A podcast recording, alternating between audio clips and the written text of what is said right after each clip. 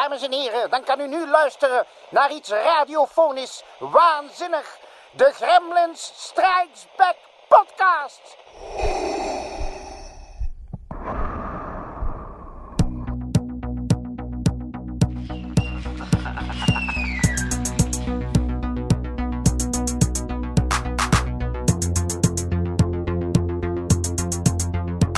Do you read such a game?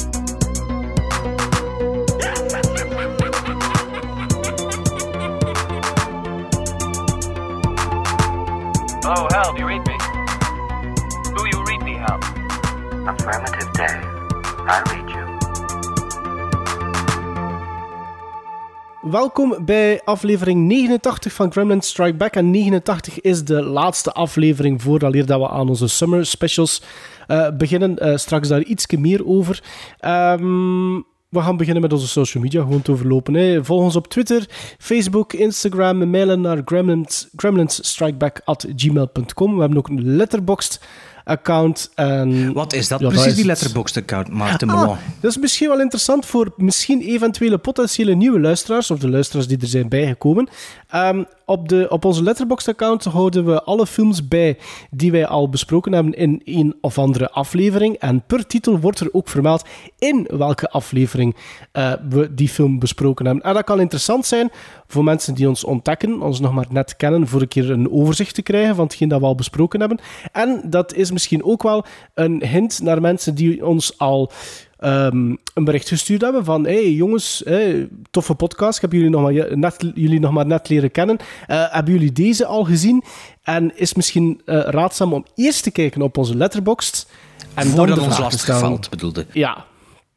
Maar lastig vallen is een groot woord, maar het, allee, het is eh, vergeefse moeite om te sturen als je direct bijvoorbeeld op Letterboxd kunt kijken en dan ook onmiddellijk naar die betreffende, aflevering kunt luisteren. Dan, de, de, Ehm, de minuut en zo staat er niet bij. Wanneer dat we het erover hebben, dat hadden we niet gedaan. Hè? Eh, wel, wel ehm, maar dat is misschien meer interessant voor de mensen die al een paar afleveringen... Ja, wel het segment Ah, ja, ja, eh, dat waarin dat, eh, de film al zit. Ehm, potentiële nieuwe luisteraars, we weten nog niet goed, maar die zitten er misschien aan te komen, want, moesten jullie het nog niet weten, wij waren te gast eh, in de Welcome to the AA-podcast van Alex Agnew en Andries Bekkers. En die aflevering is als deze online komt, vorige week maandag verschenen. Dus een dubbele dosis Gremlins. Moesten jullie daar zin in hebben, moeten jullie maar eh, die aflevering checken van Welcome to the AA. En dat was fijn om te doen, vond ik. Ik weet alleszins dat ik content ben dat het niet dit weekend was dat we daar boven in die zolder gezeten, maar toen dat nog geen hittegolf was. Ja, echt. Ik denk dat we chance nu hebben gingen we tot 27 graden tijdens de opname, denk ik. Ja, denk het, 27 graden. Dus en, moesten we eh, dat dit weekend gedaan hebben, dan zitten we aan de 38, Ah, ja. denk ik. Het is aflevering 66 trouwens van Welcome to the AA. Juist. Ah, ja. Oké. Dus er zijn dan Ehm, misschien mensen die dit als eerste van ons horen. Ja, Zou hallo. wel kunnen, hè? hallo, welkom nieuwe luisteraars. Dat kan, hè? trouwe luisteraars van de Gremlins die inderdaad nog niet luisteren naar Welcome to the AA. En dat is misschien kunnen we het moeilijk perfecte welkom moment. heten, hè? Het is de, crosso Nee, maar het is een crossover. Een crossover. Ja, voilà. Het is misschien het perfecte moment voor die luisteraars om kennis te maken met Welcome to the AA. En daar te blijven hangen. Maar wat weet. voor een commerçant zit hij eigenlijk? En Mart Kramer. Ik zeg gewoon trouwe luisteraars van ons Voilà. en ik wil die een plezier doen van kijk, check anders die podcast ook. Ja, en dan blijven ze toch- daar hangen en komen ze niet meer terug. Wel, podcast. trouwe welkom luisteraars bij komen elkaar. Over commercie gesproken. eh, onze nieuwe shirts zijn er nog altijd niet, maar we zijn nog altijd in ontwikkeling.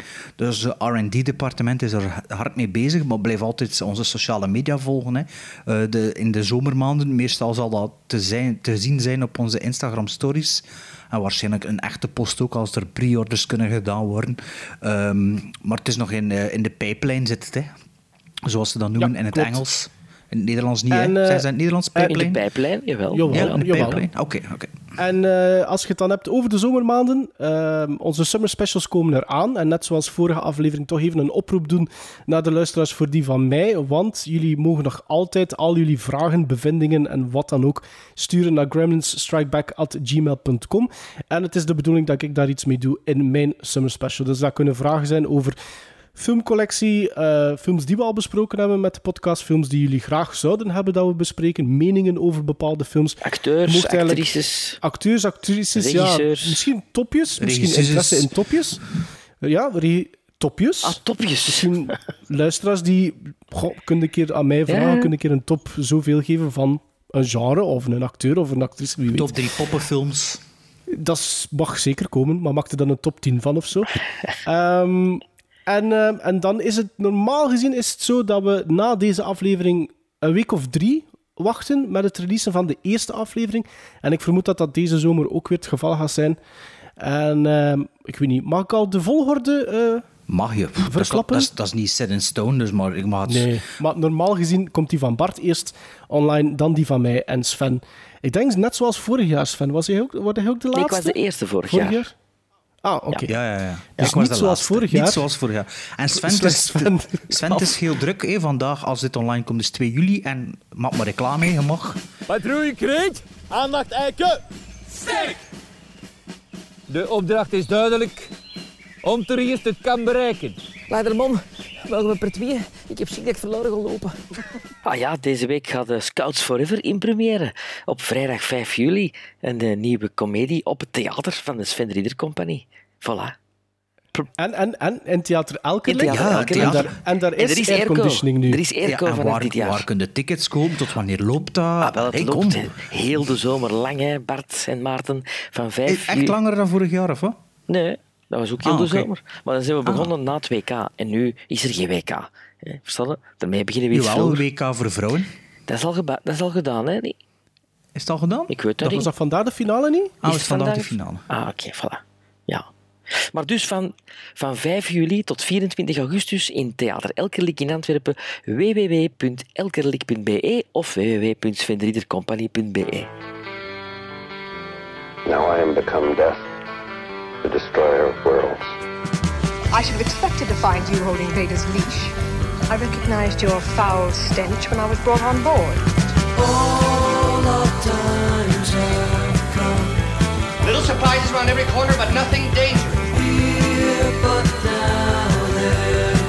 I don't know where you get your delusions, laser brain. Read it. Read it.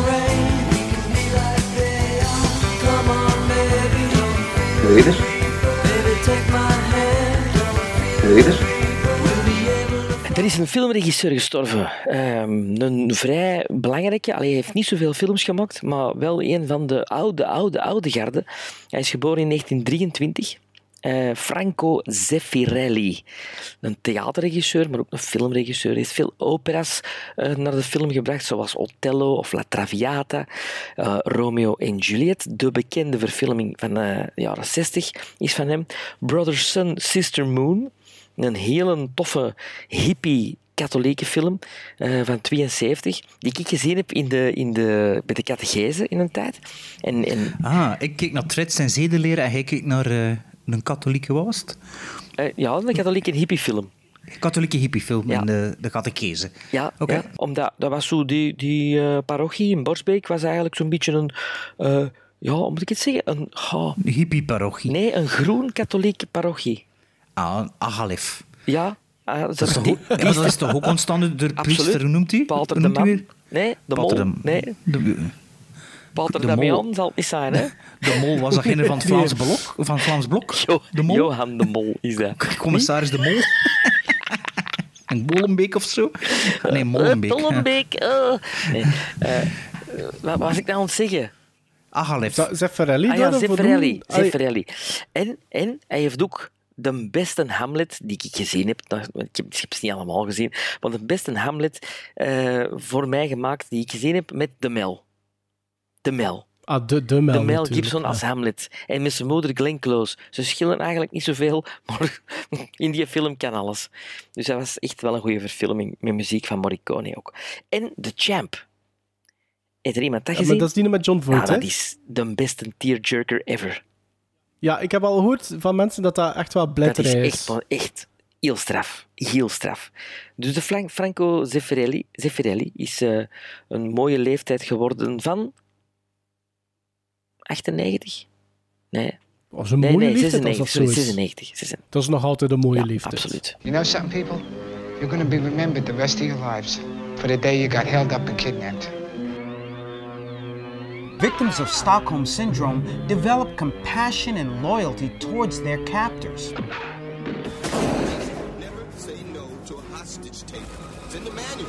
Drie maal drie films van drie regisseurs. Eh, nee, drie keer drie regisseurs hebben we besproken. Hè.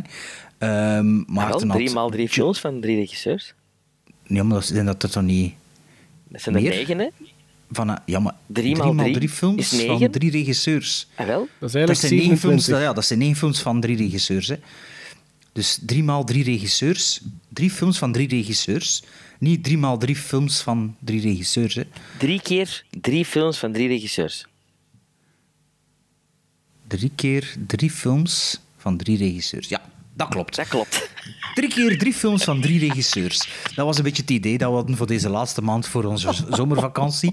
Uh, Maarten was begonnen met... Nee, eh, ja, Maarten was begonnen met John... Schlesinger. Nee, Sven was begonnen met John... Landis. Nee, nee Maarten was begonnen met Schlesinger. Ja. Wel? Ja. En ik kon dan niet anders dan ook volgen met een John, hè, in plaats van al die anderen dat ik in mijn hoofd had. En ik heb gevolgd met John Frankenheimer. John Frankenheimer, die hier al een keer gepasseerd is in onze podcast, toen dat we het hadden over toch wel verrassende seconds, Ja. waar dat we alle drie redelijk enthousiast over waren. Ik heb dat een seal of approval zelfs. Ik niet. Ik denk een 7 of zoiets. Ik denk eh, net niet, ik weet het niet zeker. Eh, in elk geval, we waren er toch wel enthousiast voor. En ehm die Frank, eh, John Frankenheimer, ik zal waarschijnlijk nog een paar keer Frank Johnnenheimer zeggen, maar het is, Fra- het, het is John Frankenheimer. Frank Johnnenheimer. Dus John Frankenheimer die is geboren op 19 februari eh, 1930 en die is op 72-jarige leeftijd overleden in 2002 op 6 juli ten gevolge van een hartaanval na een rugoperatie. Wisten jullie dat? Nee. Nee. Bij deze weten dat als dat ooit iemand vraagt hoe is John Frankenheimer om het leven gekomen, zeg maar. Bij het was een rugoperatie hartaanval na een hartaanval. Na een, na een rug... Nee. Ah. Geen rugaanval na een hartoperatie, een hartaanval na een rugoperatie. Oké. Nee, eh, John Frankenheimer, wat heeft hij allemaal gemaakt? Eh, de bekende films die dat ik al gezien heb. Ik had er eigenlijk niet zoveel gezien. Er staan er nog een paar op mijn watchlist. Maar die dat ik al gezien heb, zijn, waren The Seconds, The Manchurian Candidate, de originele, niet die met Denzel Washington. Eh, Is het Denzel Washington? Ja, hè. Mhm. Dat En is met Frank, Frank? Sinatra is in deze. Frank Sinatra is de originele Manchurian Candidate. Ja, ja. En Ronin met de Robert De Niro van 98. Ehm, daarnaast heeft hij ook dingen proberen te redden. The Island of Dr. Moreau. ehm Bird of Al- Poging tot. Birdman of Alcatraz. Ja, poging tot of niet, dat is een beetje... Eh, hangt, eh, ja, voilà. Eh, Birdman of Alcatraz had hij ook geregisseerd. The Iceman Comet. eh, French Connection 2. The Train met Burt Lancaster. The Fixer, Grand Prix. En nog een hoop films. Ik weet niet of dat jullie van die hoop al iets gezien hebben van... French Connection 2. Ja? Ik heb nog Ja, niet gezien, gezien. French Connection Ik 2. ook niet. Nee? nee, nee. Dat is een goede. Dat is een goede William Friedkin, sequel. William Friedkin heeft naar het schijnt, dus de regisseur van French Connection, heeft naar het schijnt bij het horen dat er een vervolg kwam, eh, gebeld naar John Frankenheimer en gezegd van don't you fucking do that. en, hij vroeg, en hij vroeg, why? Because it can be better than the first one. Maar het is ook niet. Allee, Ja. ik vind hem niet. Hij is zeker goed, maar hij is niet zo goed als de eerste. Maar wat dat wel het leuke is, is dat echt een, een naadloze sequel is. Dus het gaat echt direct verder van waar dat de eerste. Ik heb ze eh, alle twee op. Blu-ray in een boxje, zo'n klein boxje zo. Maar ik heb, eh, ja. het is nog iets Klein boekske. Klein boxje. Klein. Ja, oké. Ehm, maar eh, ik had dus drie films gegeven aan jullie ehm, van John Frankenheimer. En de eerste was een film van 1964, eh, 64, sorry, 1964. Een film van net geen twee uur. Met Burt Lancaster, Kirk Douglas, Ava Gardner en Frederick March. En nog een hoop die erin meespelen. En dan heb ik het over Seven Days in May. Ehm, waarover gaat de film dus nu? In de naburige toekomst zorgt de onpopulaire Amerikaanse president Lyman, gespeeld door March, ervoor dat de Senaat de totale nucleaire ontmanteling goedkeurt. Maar deze beslissing deelt het volk in twee. Kolonel Jakes Casey, Kirk Douglas, ontdekt dat generaal Scott, gespeeld door Lancaster, niet van plan is te wachten met de ontmanteling en direct al actie wil ondernemen. Casey openbaart de informatie aan de president, waardoor de president belandt in een web van intriges. Dat is ook weer een raar movie meter, want dat klopt Ik niet moet, ik moet helemaal. eerlijk zeggen, ik vond dat niet zo slecht wat dat zei. Ja, omdat ik het een stukje herschreven heb, maar de laatste twee zinnen Ja. niet herschreven. En toen zegt hij, allez, de schrijver van dit eh, ding is, ontdekt dat generaal Scott niet van plan is te wachten met de ontmanteling. Maar daar Nee, gaat het eigenlijk niet over. Nee, nee, Eigenlijk gaat het over een militaire coup op de president van Amerika. Ja, Ja. daar gaat het eigenlijk in de over. Junta en in de USA. Douglas die dat te weten komt. Ja, In de toekomst goeie gezien van titel, hè? 1964. Junta in de USA. Junta in Ja, de ja, USA. Als je voor kennen werkt in de jaren 80, zeker een goede naam. Ehm we hadden die alle drie nog niet gezien. Eh, en Maarten mag een keer zeggen wat hij daarvan vond om te beginnen.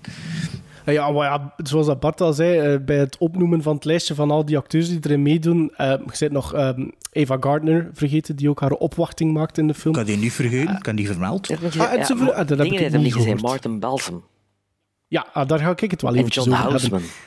Ehm, ja, dus in, in, in eerste instantie een fantastische cast. Hè. Voor mij zijn de favorieten eigenlijk misschien niet wie dat je zou verwachten. Nou, ik denk dat je dan al rap zou grijpen naar een Lancaster en een Douglas. Maar Frederick March als, als president Lyman vond ik fantastisch. Eh, die, die Frederick March vertolkte... Ik ga het nu... eh, eh, corrigeer mij niet terecht. Even over Frederick corrigeer mij niet- hebben. Ja, corrigeer mij niet terecht. Want hij vertolkte Dr. Jekyll en Mr. Hyde in de adaptatie uit 1931.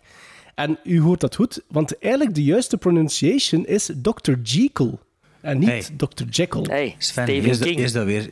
Is dat weer, ze. Stephen King. Dus- bij zijn is echt de dat ik, Jekyll, film- dat ik Jekyll ga zeggen. Iedereen kijkt Dat naar is mij van, oh, zit? Dat is de enige adaptatie die de, die de, ooit die de naam heeft juist uitgesproken. Swat. Dus Frederick March enerzijds en anderzijds, zoals dat Sven daar juist zei, die Martin Balsam als Paul Gerard, die echt wel een gigantische goede films gespeeld heeft. Die, die zat in Psycho, zat in 12 Angry Men, die zat in Dog Day Afternoon. En je kunt zo even nog maar doorgaan. 1 en 2. Doe maar, doe maar door, Cape doe maar door. De beide, hè? Oh. Beide Cape Fears. En beide, ja? Oké. Er zijn er veel Ehm, die in beide zaten. Hè? Gregory Peck en, en eh, Robert Mitchum. Ook. Ja, die zaten ook in beide. En eh, ja. een van mijn favoriete scènes van de film is trouwens die tussen Martin eh, Balsam en die Marine General, wanneer dat hij hem confronteert op zijn schip. Van In- een in hele, Spanje. Hele, Dat is de- ja, dat in is de- Gib- Gibraltar, hè? Gibraltar, ja. Dat is de grote John? Houseman, hè? Nee, dat is Engeland, Gibraltar. Die, Is dat wie? De, de grote John dat is de Houseman? grote John Houseman in zijn allereerste filmrol. De thea theatergoeroe. De, de, de John Houseman is zo'n beetje door de Lee Strasberg ook voor veel acteurs geweest van een bepaalde generatie. Een mentor, Ja. een leraar en een, een, ja, een, een, Engels, een Engelse, allez, Engelse toneelstukken, grote drama spelend. En kunnen zo eh, on the spot een paar titels van die John Houseman, de films dat hij meegespeeld nee, heeft? niet on the spot. Kan ik niet. Nee, Ja. maar het is, Ik, het is echt zo'n naam die zo echt heel veel in de jaren 70, Belletjes 80 erin eh, komen. in films Ja. opdook. Ja. Nu, wat dat mij vooral opviel terwijl ik aan het kijken was naar Seven Days in May, en ik had bewust eigenlijk niks van opzoekingswerk gedaan vooraf over geen een van de drie films dat we vandaag gaan bespreken. Ik kende ook zelfs de synopsis niet van de films. Ik, het was echt gewoon, ik ben er gewoon blind in gegaan. Ehm, maar is dat die film heel hard aanvoelde als een film die Rod Serling geschreven had. En dat is natuurlijk ook de scenarist van ehm, Seven Days in May. Ehm, bijvoorbeeld in The Night Gallery, wat dan misschien wel de meest belangrijkste of bekendste zijn, The Night Gallery en de originele The Twilight Zone. Dit is allemaal ontsproten eh, uit het brein van Rod Serling. Heb je veel van die afleveringen die zich precies afspelen in een soort ja, in een alternatieve dimensie, maar dat toch heel vertrouwd aanvoelt. Ja. En ik had eigenlijk net hetzelfde gevoel bij, die, bij deze film van Seven Days in May. Gewoon van, dit is de realiteit en, en dit zou eventueel... eh, Het is, het is iets van, het zou kunnen gebeuren. Black Mirror Ehm, van toen. ja, ja, ja, ja, eigenlijk wel. Misschien wel, ja. En wat ik ook sterk vond, eh, is hoe dat, dat personage van Kirk Douglas evolueert. Eh, net als de reacties van de entourage eigenlijk, van de president, als die zijn vermoedens meedeelt. Ik vond dat eigenlijk redelijk grounded geschreven. Ik vond dat hij... Allee, je, je, je, zit direct op de hoogte van, van Douglas zijn adoratie voor de, de generaal bijvoorbeeld, maar hij komt dan mondjesmaat wel iets te weten en, en je voelt wel dat hij daar nog altijd zo'n beetje aan twijfelt, maar dan toch zijn eergevoel het overneemt en zegt van ik moet dat gaan vertellen aan de president. En ik vond dat eigenlijk allemaal redelijk goed geschreven. Ehm, iets wat ik wel minder vond, is de afhandeling van dat personage dan van Martin Balsam. En de reden daarvoor is gewoon omdat dat op dat moment... I- Nee, ik vond dat niet zo verrassend, eerlijk gezegd. Eh, gewoon omdat op, man- op dat moment heel duidelijk wordt wat dat er nog gaat gebeuren en dat dat ja, waarschijnlijk wel doorslaggevend gaat zijn. Eh, en dat, dat ik ga niet zeggen dat dat het plezier er bij mij van weghaalde, maar het zorgde er wel voor dat ik wist waar dat de film waarschijnlijk naartoe ging gaan en dat daardoor hetgeen dat nog volgde misschien iets minder interessant Omdat werd. je een Rod Serling einde verwachtte misschien. Een Misschien... Twilight Zone einde. Misschien. tevens vond ik ook wat minder interessant wat dat er gebeurt met die alcoholische senator, vriend van de president, op zijn missie. Dat vond ik ook wel wat minder. Allee, ik vond het minder interessant. Of verrassend. En act 3 was daarom voor mij misschien wel minder. Hoewel dat er nog eigenlijk een verschrikkelijke goede scène uh, zit tussen de president en Burt Lancaster. Ik vond dat, dat, was weer galoos. Ik heb daar echt van super hard van genoten. Uh, maar allee, all in all, ik ben echt zeker positief over Seven Days in May. Vond dat als um, film uit was 64 of 66? 64, ja. 64. Ik vond dat echt wel uh, een mooie, mooie verrassing als eerste film. Maar ik heb ze ook chronologisch bekeken. Mm -hmm. Het is uh, ook de vijfde samenwerking tussen Kirk Douglas en Burt Lancaster. Ze hebben in totaal zeven films samengemaakt. Um, ze waren een succesduo. En of dat ze echt vrienden waren, dat blijft altijd zo in het midden. Er zijn, er zijn mensen die zeggen dat Lancaster een ongelooflijk ego had. En um, dat Kirk Douglas een beetje jaloers was op de films en op het, de status van Lancaster. Um, maar deze film werd eerst aangeboden aan Kirk Douglas in de rol van de general. En oh. het is Kirk die uh, Burt er gaat bijhalen. En die zei, eigenlijk is het een rol voor u. En ik wil die kolonel dan spelen. En zo uh, geschiedde het. Um, en dat brengt mij naadloos tot mijn eerste um, uh, punt. ja, dankjewel Bert. uh, wanneer Burt Lancaster on screen komt, everything else stops. Stops, Wil, ja over charisma gesproken, een fantastische goede keuze, denk ik, van Kirk Douglas om die rol on Burt Lancaster te geven. Want ik, denk, ik weet niet of dat Kirk Douglas die rol uh, uh, even goed zou gespeeld hebben. Dat is ook meteen het eerste probleem van de film, vind ik. Dat Burt Lancaster zo goed is in het begin en dat je die eigenlijk anderhalf uur moet missen in die film.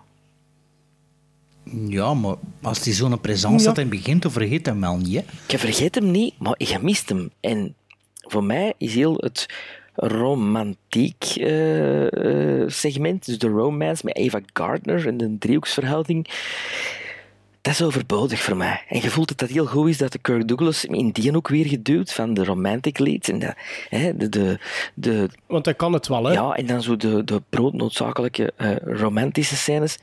Totaal overbodig voor mij. Voor mij, in die film, ja, het is misschien heel fout om dat te zeggen in 2019, maar in die film zijn alle vrouwelijke personages voor mij overbodig. Wow, ik, vind, ik vind nogthans dat, dat, dat die Eva Garner, hè, want dat, daar, daar gaat het over, dat is de vrouw uh, waar dat over gaat. Ik, vond, ik vind nogthans dat die een mooie ja, maar dat is, een, redelijke, dat is een topactrice. Ze heeft geen, maar, ze heeft geen arc, ze heeft geen rol, arc in die film. Nou? Maar ze, heeft, maar ze heeft... Ja, maar dat is toch wel een getroubleerd perso personage, hè? Ja, maar nou, ja, ik... ik, ik, ik en ik vind dat hetgeen dat Douglas dan moet doen bij haar. Ik, vond dat, ah, ik vind dat eigenlijk wel nog ik volgde dat wel eigenlijk ja, ik, met plezier. Ik, ik, dacht dat dat echt meer zich zou toespitsen op enkel dat, dat White House en die, die war room toestanden. En die, eh, maar, Want er zijn veel personages die rondlopen in de film. Er zijn wel eigenlijk veel verhaallijntjes. Dus die, de verhaallijntjes met de, met de love interest haalden mij uit de spanningsboog van het verhaal. Het um, politieke, de politieke ja. thriller eigenlijk. Ja. Dus ik vind de eerste 25 minuten super sterk. De generiek begint fantastisch. Fantastische generiek. De generiek is een fantastische Geweldige muziek van Goldsmith. Met een overhang, overhang naar de, de White House hacken ja. op het einde. De, de muziek ja. van Jerry Goldsmith is van in het begin bunkerop. Dus heel plezant. Dan vind ik dat middenstuk zo tergend traag met momenten. Uh, de enige die het in het middenstuk voor mij interessant maakt om dat te zien is Frederick March. Wat een acteur. Wat een ongelooflijke, ja, ongelooflijke, ongelooflijke rol. Um, ik had soms de indruk dat het een beetje uh, op Lyndon B. Johnson zou gestoeld zijn. De naam heeft ook zo wat dezelfde initialen. Johnson was toen toch nog niet ah ja, vice-president, maar dat was dat. Niet? Nee, die was, was juist. Oh, nee, de, film, nee, de film moest normaal in december 63 uitgebracht worden, maar door de moord op Kennedy hebben ze Burt Lancaster gezegd, we brengen die zes maanden later uit. Maar het is echt te dicht op de moord op Kennedy. Ja, dus als het ah, ja, ja, je bedoelt dus als, als vice-president. Ja, maar als het een toekomstbeeld ja, ja. is van 70... Ah ja, op die manier. Ja, ja. Ah ja, ja, ja. oké. Okay. Ja, en de vice-president... Uh, dus ik denk dat er een kleine verwijzing naar was. Ik weet het niet. Misschien dat ze ja, al kan wel zijn, ja. meer wisten uh, over Lyndon B. Johnson en zijn, uh, zijn toestanden. Um, Eh wat had ik hier nog staan? Eh, Frederick Marshall, fantastisch. Ehm, de scène tussen Lancaster en Frederick Marshall op het einde, ongelooflijk. Ja. Ongelooflijk. Dat is, dat is zo'n een scène die mij nu, voor nu bij de classic scenes gaat zitten. Ja. En ook, ik denk ik, een scène die Jack Nicholson heel goed hebben zien voor A Few Good Men. Want ik vind dat een, dezelfde houding en, en, en stijl van Lancaster Ja, in ja, deze ja, film ja, ja, nu dat je dat zegt, als klopt. Colonel ja. Jessup in A Few Good Men. Dus een, eh, een al bij al trage film, die ik een heel goed begin weet vinden en een heel goed einde, maar ertussen Ja. Zakt het wijn voor move along with it. Ja, ja. Ik vind ook dat het heel sterk begint met de Jerry Goldsmith, vroege Jerry Goldsmith score. Eh, je weet direct wat voor een genre film dat je kunt verwachten. Je ziet daar die, die, ehm, die eagle van, van het logo van de... Welk logo is dat? Is dat het logo van de White House? Of is dat... Dat is de- Jazeker. The American Is Eagle. het White... American Eagle met dan zo die, die pijlen in zijn poten en er is een andere poot, ik weet niet wat. Een vlag, Ehm, een vlag. Of een vlag, ja. Dus dat begint daarmee in close-up en zo. Wat dan eigenlijk ook leidt tot het Witte Huis. Deze openingsshot is het Witte Huis. Waar dan er pro- en contra-president betogingen aan de hang zijn. Wat dat redelijk eh, hedendaags eh, aanvoelt. Het is heel, echt, eh, heel, heel realistische gevechten. De slagen die Ja. ze krijgen zijn heel realistisch. Zijn, Ja, zijn niet film. Ja, het is niet filmisch. Nee, nee, dat klopt. En dan ook, wat er ook mij enorm opviel, of like dat is zegt, de, de charisma van Burt Lancaster, dat wordt dan eh, ook tot het maximale uitgepuurd bij zijn eh, fascistische tv-propaganda, dat, eh, ja, dat enerzijds ja, een, dinges aanvoelt, eh, noem ze weer? Ehm, de, de Riefenstahl. Of Paul Verhoeven, het is maar hoe dat het wilde invullen. Maar eh, ja, dat is gewoon pure fascistische propaganda. Dat was ook wel tof om dat dan te zien. En daardoor voelde het dan ook wel een beetje dat dat niet echt helemaal realistisch eh, weergegeven. Allee, dat het toekomstbeeld is, dat niet, dat niet heden, hedendaags is. Omdat er Mhm. natuurlijk, ja, dat is een oude film voor ons. En dat, dat futuristische, dat, dat voelen we niet per se. Behalve de videocalls, dacht ik van, hm, dat is precies... eh, De, de, computer, soort computers en ook de, de, het eh, groot scherm op de muur blijkt dat dat ook nog niet bestond in eh 64. Ah ja, maar kijk, voor ons valt dat dan Ja. wat minder, minder op natuurlijk. Hè. Ehm, de film is ook, eh, wordt gezegd, de Paranoia-trilogie van eh, John Frankenheimer met eerst Seconds, dan deze film en dan de, de Manchurian Candidate erachter. Ehm of wacht, hè, is ik juist, gaan op mijn papieren Ik moeten denk zien. het wel. Eh, nee, Manchurian Candidate, dan deze en dan Seconds, omgekeerd dan dat ik zei. Ehm, maar ik vond het ook wel, ik vond het een beetje te lang. Ik weet niet of dat per se het middendeel was, maar ik vond dat wel klein beetje compacter mocht zijn om het echt volledig boeiend te houden. Misschien mocht Burt Lancaster er wel iets meer in gezien hebben, maar al bij al vond ik het wel eh, allee, een, een, een enorme plezante kijkervaring. Net zoals Maarten wist ik niets van de drie films. Het dat ik wist dat er een, een VK bij stond op mijn watchlist op IMDb. Bij deze, bij deze, bij die film en de volgende twee. En van sommige wist ik hoe dat de poster eruit zag. Maar eh, voor de rest was het allemaal zo wel. We zien wel wat er ga- gaat gebeuren. En ik moest natuurlijk ook redelijk snel aan Seconds denken, ongeacht dat ik, wist, dat ik niet wist dat dat deel was van de Paranoid-trilogie, zo Vond. Seconds wel sterker. Ik misschien ook wel. En de Manchurian Candidate vond ik volgens mij ook wel sterker. Maar je voelt wel dat het een beetje in hetzelfde straatje zit. Ook Doctor Strangelove is nooit ver weg natuurlijk. Hetzelfde jaar. En, eh, hetzelfde jaar, ja. Ja. En ehm, ja, maar ik vond zeker, zeker geen slechte political. Ja, sci-fi thriller misschien. Uh, oh ja, sci- je sci-fi. ja, een het is in de toekomst. ja, een beetje, ja, maar ja, een beetje, beetje Twilight Zone of Black Mirror-achtig. Als, als dat de dingen zijn er nu aanspringt, dan kun je met deze film niet veel verkeerd doen natuurlijk. Hè. Weet je dat er trouwens eh, uit de film geknipt is? Onder andere Leonard Nimoy, dat de hele vorige aflevering vermeld had, Maarten, bij uw top 3, dacht ik. En, en eh, Sven zijn maat, Victor Buono. Aha. De, de man uit Whatever Happened to Baby Jane, dat hij Ja, zo en fantastisch slecht Charlotte. vond. Wat ik Hush, wel Hush, Sweet Charlotte, wat ik dat wel hem goed wel vond. goed. Ja, ja. Ja, ja, ja. Eh, de, de cameraman had ik ook nog gezien. Dat, ik dacht, ik herken die stijl een beetje. De cameraman was Ellis Worth, Ellis Worth Fredericks. En die had ook de originele Invasion of the Body Snatchers gedraaid.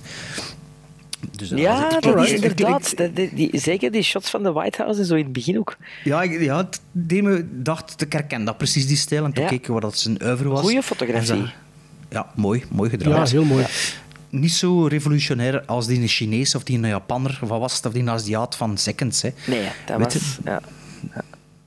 Maar dus voor mij persoonlijk zijn deze in mei toch geen seconds. Dus, eh, maar niet slecht. Ik weet niet hoeveel gizmos hij er had gegeven. Gezien op mijn blad. Ik heb dat 6,5 gizmos gegeven. Ik ook, 6,5. Ik geef dat 7. Oeh, we zitten weer allemaal op dezelfde lijn. Zal, zal, Dat, dat, viel, zal- dat viel op vorige zal aflevering. zo'n aflevering worden. Oei, oei, oei, we mogen dat niet te veel doen. ik had dat is niet goed. ik- ik- dat, was raar, vooral. Ik had de, de, de vorige aflevering beluisterd en die, die scores komen. Dat ik zo van, er klopt er iets niet, er klopt er iets niet. This shit, this shit has never happened. Ja, maar misschien is Ehm, dat dat gegeven met, met één regisseur te pakken. Want met Hitchcock was dat ook wel. Buiten Shadow of a Doubt zaten we er ook. Ah, Ik Ja, zat er misschien altijd wel. extreem hoog hè, met Hitchcock. It covers your plan for the military overthrow of the United States government. I presume, Mr. President, you're prepared to back up that charge? I am prepared to brand you for what you are, General. A strutting egoist with a Napoleonic power complex. And an out and out traitor. I know you think I'm a weak sister, General. But when it comes to my oath of office, defending the Constitution of the Nobody United has to teach me how to salute a flag. Somebody has to teach you about the democratic processes that that flag But represents. don't you presume to take on that job, Mr. President. Because frankly, you're not qualified. Your course of action in the past year has bordered on criminal negligence. This treaty with the Russians is a violation of any concept of security. You're not a weak sister, Mr. President. You're a criminally weak sister.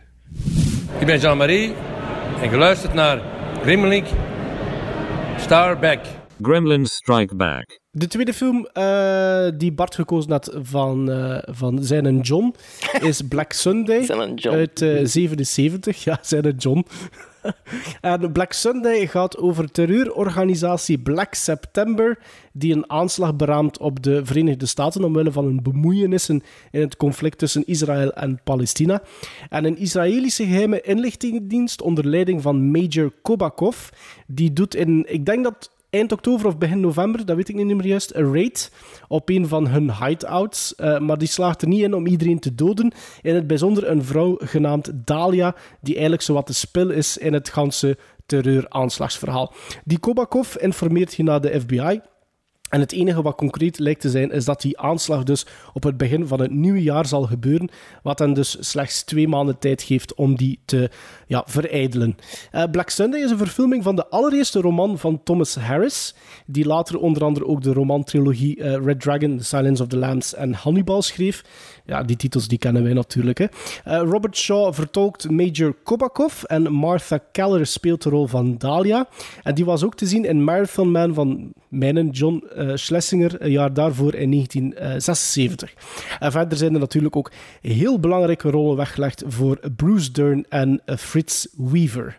En Sven is de eerste die mag zeggen wat dat hij vond van Black Sunday. Als grote fan van Bruce Dern stond deze al langer op mijn to-watch-list. Eh, de film begint met Martha Keller, een actrice waar ik nog nooit van had gehoord. En die mij meteen al tegensteekt vanaf de eerste zin die ze uitspreekt. Het Engels met Arup wordt er niet beter op als de rest van de cast er zich ook aan te goed doet.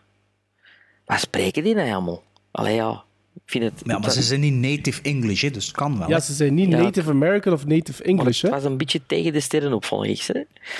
Eh, Hoe eerlijk zijn, dat verbaast me niet, eigenlijk niet echt dat hij dat zegt. Ik had ook wel zoiets van... Nee, maar omdat ik ook wel zoiets heb van... Oei, dit ga ik even gewoon maar moeten worden. even gewoon moeten worden. Ik rokte er niet maar gewoon op. is nooit niet gewoon... Ja, dat is niet, dat is niet gebeurd. Robert Shaw speelt Robert Shaw zoals we hem elke keer te zien krijgen. Maar hier voelt het wel precies of dat hij een beetje eenzaam aan de top staat als goed acteur. Want, tot mijn grote spijt, moet ik zeggen, Bruce Dern speelt echt voor de laatste rij in het Sportpaleis. En hij is als bad guy wel tenenkrullend bad, vind ik. Ehm, Black Sunday was voor mij een James Bond setup die zich tergend traag vooruitsleept naar een spannende finale van 15 minuten, waar dat Tom Cruise misschien nog zijn mosterd heeft gehaald. Maar voor de rest vond ik dat echt uitzitten en uitzweten. Ja? Oh. En slecht, act slecht dat- ja, serieus? Echt waar, ja. De laatste 15 minuten vond ik super spannend. Maar echt super spannend. En Ik dacht, wow. ik, dacht, ik, dacht, Maar ik dacht dat dit misschien wel de verrassing zou, kon geweest zijn voor u, Sven. Nee. En e- echt, echt veel spijt, want ik ben een Bruce Dern fan, maar ik heb hem eigenlijk denk ik nog nooit zo groot weten spelen als hier. Zo van, man, moet, iemand moet tegen Bruce zeggen minder, minder, minder. En dan stopte de, Maar de- Martha Keller Maar even is het niet meer... een beetje in, in personage Ja. dat zo is? Ja, want er zijn momenten dat hij heel... Allee, dat hij wel klein speelt. Ik vond het niet goed. Nee? Nee. Is dit al Oké. uitverteld of wat is het al dat we vertellen net? Dat wordt een korte aflevering hier. Ja, ik was, er, ik, ben, ik was er niet zo enthousiast over, over deze film. Black Ja, het, Sunday zit nog vers, het zit nog vers in het geheugen, Ja, hè, want je hebt hem vandaag Ja. bekeken, is Sven? Ja. Black Sunday begon. Ik was direct verkocht aan eh, Martha Keller. Ik vond het echt eh, top hoe dat die aan het spelen was. Ik vond de accent dat marcheerde voor die actrice. Ik vond dat super cool. En Bruce Dern, ja, ik vond dat ook fantastisch hoe dat hij aan het acteren was. Dat grootste, dat PSD, eh, P- PTSD dat hij speelde. Je, je voelde dat, dat dat daarom was. Ik vond dat een fantastische film. Ik geloof er niks van. Stel dat je, stel dat je Ik geloof hem niet. Ik geloof hem niet. Eh, Black Sunday, ik weet niet, ja, ik, ik was nog niet bij mijn papieren terechtgekomen. Ik dacht, Sven had misschien langer dan een minuut erover kunnen vertellen. Maar ja, met u altijd... Oh, allee, ja, wat vertelde je nu? Een twee Ik keer heb toch niets. Ik verteld, dat niet een, James Bond fi- film die eh, heel traag is. Ja, oké. Zonder Goed, James goed Bond. opstel, Sven. Goed, ja, Sven had uw huiswerk gemaakt. 4 op 10. ja, maar ja, wat is dat nu voor iets? Ja, Ja, wat, eh? Ehm, ja nee, nee. Pak nee. het over. Nee, Black Sunday, ik kende er de poster wel van. Ik wist dat dat eh, iets te maken had met een sportwedstrijd en een eh, zeppelin. Eh, dus ik was redelijk verbaasd toen dat, dat begon in Libanon. Was het zeker dat dat begon... ik denk Ja, niet dat het in ja, Palestina denk het. is. Ik denk dat het in Libanon Ik is. denk dat zelfste Ehm, plus begon als Sorcerer. Zo, ook zo. Libanon, hè? Oh ja, zoiets. eh, ja, ik denk dat het Libanon was. Ehm, een beetje een rare scène, vooral door wat dat Robert Shaw doet. Ja, waarom dat hij niet doet wat hij moet doen op een bepaald moment, ja, is natuurlijk ook voor de film, maar ik vond dat een beetje raar. Moeilijk te volgen, ik eigenlijk... Moeilijk te volgen in het begin, hè? Ja, ja, ik snapte ook niet goed waarom dat hij dat nu juist deed en waarom niet. Maar ja, het is natuurlijk voor het verhaal. Waarschijnlijk was dat makkelijk geschreven door Thomas Harris. En mocht eh, John Frankenheimer eh, ermee aan de slag en dacht, ja shit, wat moet ik hier nu mee doen? Ik zal het maar zo in de film steken. Ehm, en het duurde lang voordat hij naar Amerika gaat eigenlijk. En ik was wat verward en ik was er aan het denken, tja, krijg je toch de juiste film voor? Omdat ik ook weer de synopsis niet kende. Ehm, ik dan, toen dacht ik, ja, want dat was zeker met Bruce Dern. En, want het begint met Bruce Dern, hè? is het zo? Ja. Nee, is de allereerste Nee. scène met Ja, Bruce eh, Dern? op film, hè, als Prisoner of War... eh, Ja, hè? Ah, ja, ja, ja. ja, ja, ja. De credits komen daarop zeker, hè? nee, de credits komen op, het, op Martha Keller die in Libanon rondloopt. Ja. Ja. En dan, Ah, ja, ja, dat is Maar, maar dat was dan ook, ze moesten dat dan afzetten, dat filmpje, en dan mocht dat niet in de Ah, handen ja, ja, van ja, ja, ja, dinges want zij vallen. En- keken in dat thuis, kijken ze naar dat filmpje over Ik vond dat ook zo verwarrend. Ja, Ik dacht ook, dat doet er toch niet echt toe allemaal. En waarom is dat zo bijzonder? En ehm deed me een beetje aan het begin van The Fury denken. Maar bij het begin van The Fury volgt dan nog de aanslag op eh, Kirk Ah, wel, Douglas. Een beetje Sorcerer ook in het begin, zodat je Ja. denkt van, wat is dat nou allemaal?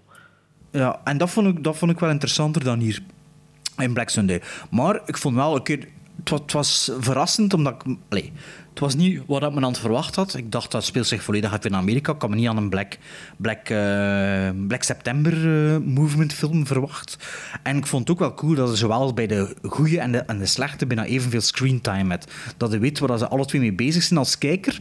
En eh, ik vond wel dat, dat Bruce Dern deftig aan het acteren was. Robert Shaw stil wel de show, vond ik ook. Ehm, die, die Martha Keller, ja, die loopt er wel bij voor spek en boon. Maar ça va, ik vond dat Oh, zeker niet slecht gecast. jong. Keller, oh, dat die spreekt, allee, jong. Ja, maar ja, dat is, dat Ja, is maar een van de daarom- stranden van Libanon. Ja. Die, komt, die is van Beirut ergens geplukt, zo gezegd. Ja. maar ik dat is vond een dat niet... Dat- Nee, nee, het is, eh, half. In het En verhaal. De andere, In het verhaal. ja, ze was, Nee, was echt, half hè? Duits en... Ja, in het echt, ja. Ja, in. Oh. Ja, maar ja. Nee, Ja, is dat geen Duits? Het is niet Amerikaans in het verhaal, alleszins. Hè. Dus ik ik vind dat niet zo erg dat het dan die, die, die, ja, dat accent, ja, dat, ja, dat pakt het maar bij. Hè. Ah, ja, die, moet toch niet die moet toch niet perfect Amerikaans spreken? Dat slaat Zwitsers. toch nergens op? Ah, ja, Zwitsers. Zwitsers. Ja. Ehm, en ze zijn er ook niet meer voor zo wat mensen te doden en dat goed te tonen en, en zo. Dus dat vond, dat vond ik wel cool. Ehm, allee, met de, de spannende momenten, like het laatste kwartier en ook ervoor, deed me ook denken aan Speed. En natuurlijk ook Sudden Death, waar de monster duidelijk hierbij gehaald is. Of toch Dat is de basisidee. En ook een film van die periode, Two Minute Warning. Maar nog veel beter, hè? Two Minute Two Warning. Minute Warning was ook wel goed. Ja. Dat gaat over een sniper in een, in een, in een baseballwedstrijd. Of een American footballwedstrijd ook. Dat weet Ik ik ook Ik heb langs, Ik ik heb hem onlangs bekeken. Een sniper die daar zit. Ehm, en ook met een blimp, met een zeppelin, die dan eh, eh, ook camerabeeld moet maken. Het doet er wel een beetje aan denken. Ik vind het ook cool dat het op de echte Super Bowl gedraaid is en dat ze alle NFL eh, trademarks mogen gebruiken en zo. Dus ik denk dat dat eh, Super Bowl 10 was. Ja, je ziet toch nog hoeveel kleinschaliger dat, dat is in commercieel aspect. Hè. Maar dat is toch nooit commercials. echt gebeurd, hè? Eh, het verhaal van Black Sunday Eh, bedoelde. nee. Uh, wel het verhaal van, de, van dingen, hè. Black, Black September in Muni- Munich. in- Ja, want dat wordt, dat wordt gezegd in de film ook, hè? ja, ik zit nu toevallig, allee, toevallig nu, ook een beetje door Black Sunday, ben ik eh, die documentaire opnieuw aan het bekijken. One Day in September. Dat heb je het gezien? Die had Oscar voor beste documentaire Ja. gewonnen ook. Over Van die... Over die eh, nee, van is- Kevin, Kevin Mc... Ja, Michael Douglas doet de voice-over. Ah, is, Kevin ja, McDonald. Kevin McDonald had geregisseerd. Van, eh, van The Last King of Scotland, die regisseur. Ja, ja. Ehm, maar ik denk niet dat dat echt gebeurd is. Maar ik vond wel, allee, ik vond Black Sunday duurt twee uur en, zeker maar, twee uur en... eh, 2 uur 28. ik vond dat eigenlijk niet, zo- niet echt... Ik vond dat een film, ik heb die in één trek gewoon uitgekeken. Twee uur Dat kon me blijven 28. boeien. Ik ook. Dat kon me blijven boeien. Het was een beetje een curveball in het begin, omdat we niet verwacht dan van in Palestina terecht te komen met deze film. Maar ehm, nee, ik vond dat een, een boeiende film. Absoluut. Een, echte Frankenheimer film. Ja. Ik zat, ik zat een beetje... Ik zat in het begin een beetje tussen jullie in. Ik had bij bepaalde personages dat, die de eerste keer, dat ik die eerste keer zag en dat die voor, het eerst begonnen te spreken, had ik wel, zoals ik dat juist ook zei, van oei, dit moet ik wel even gewoon worden. Eh, bijvoorbeeld die Martha Keller, ook met Bruce Dern, maar ene keer dat ik die hurdle eh, gepasseerd was, zat ik daar wel in. En ik kan eigenlijk ook niet zeggen dat ik vind dat Bruce Dern dat slecht doet. Ik heb een paar, een paar dingen nog neergeschreven. Als hij bijvoorbeeld dat, dat verplicht doktersbezoek daar heeft en dat hij in die volgepakte wachtzaal moet gaan zitten en een nummer trekken. Ik vond juist dat hij daar heel goed aan het acteren was. Net ook als, als de dialoog tussen hem en Dahlia, wanneer dat er zo gehind wordt dat, hij, dat het geen, zijn plannen niet zou doorgaan of zoiets. Ik vond dat eigenlijk wel redelijk goed gedaan. Dat is een stukje Ehm, van dat Maria-beltje. Ja, was dat dan? Het zou kunnen, ja. ja. Kunnen. Nee, Sven is het niet met mij Oh, ik dacht, hem dat doen? Gaat hem dat opeten? Of, eh? Ehm, maar ik vond eigenlijk wel... eh, bepa- bepaalde scènes vond ik heel realistisch geschreven. Eh, zo dat segment met die Dahlia die verpleegster speelt bijvoorbeeld in dat ziekenhuis. Ik, vond dat, ik vond dat heel tof om... Ja, maar ik vond dat heel tof om dat een keer te zien, hoe dat zijn een copain van die Major Kobakov dan... ehm, de interactie tussen haar en wat dat hij dan met haar wil doen. Ik vond dat eigenlijk wel heel... Dat, dat was zo een keer iets anders, ehm, vond ik. En een soortgelijke opmerking wel, die ik had bij Seven Days in May, is hier ook voor mij, wanneer dat de bedoeling van de aanslag kenbaar gemaakt wordt, wat dat een fantastisch stuk is, vind ik persoonlijk, met Bruce Dern en die Martha Keller in een schuur. Meer ga ik daar niet over zijn. Ik vond dat een fantastische scène. Ehm, als ook wanneer... Ja, dat zorgt ervoor, in dat we ene keer dat je het plan kent, zorgt dat ervoor dat dat ook weer een beetje voor mij het tempo uit de film haalt.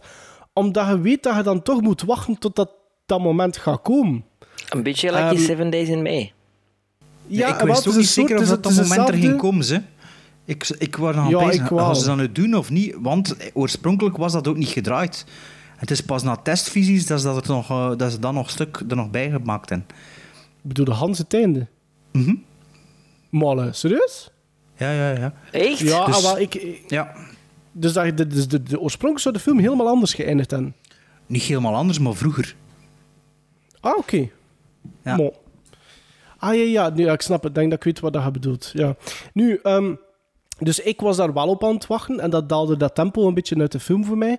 Ehm, wacht even, waar zit ik? Ehm, ik dat, dat scenario probeert dat zo'n beetje te verdoezelen. Om, eh, het zit nog wel wat curveballs in, maar voor mij werkte dat niet echt. Ehm, maar als de film dan toch verder gaat, ik vond bepaalde actiesequenties die nog volgen, vond ik wel echt super geslaagd. Ik vind die achtervolging, zowel een stukje met de wagen als te voet, om die, die Fazil, die terrorist, te vatten, met, eh, eh, met Major Kobakov die erachter zit te lopen. Ik vond het echt goed gedaan.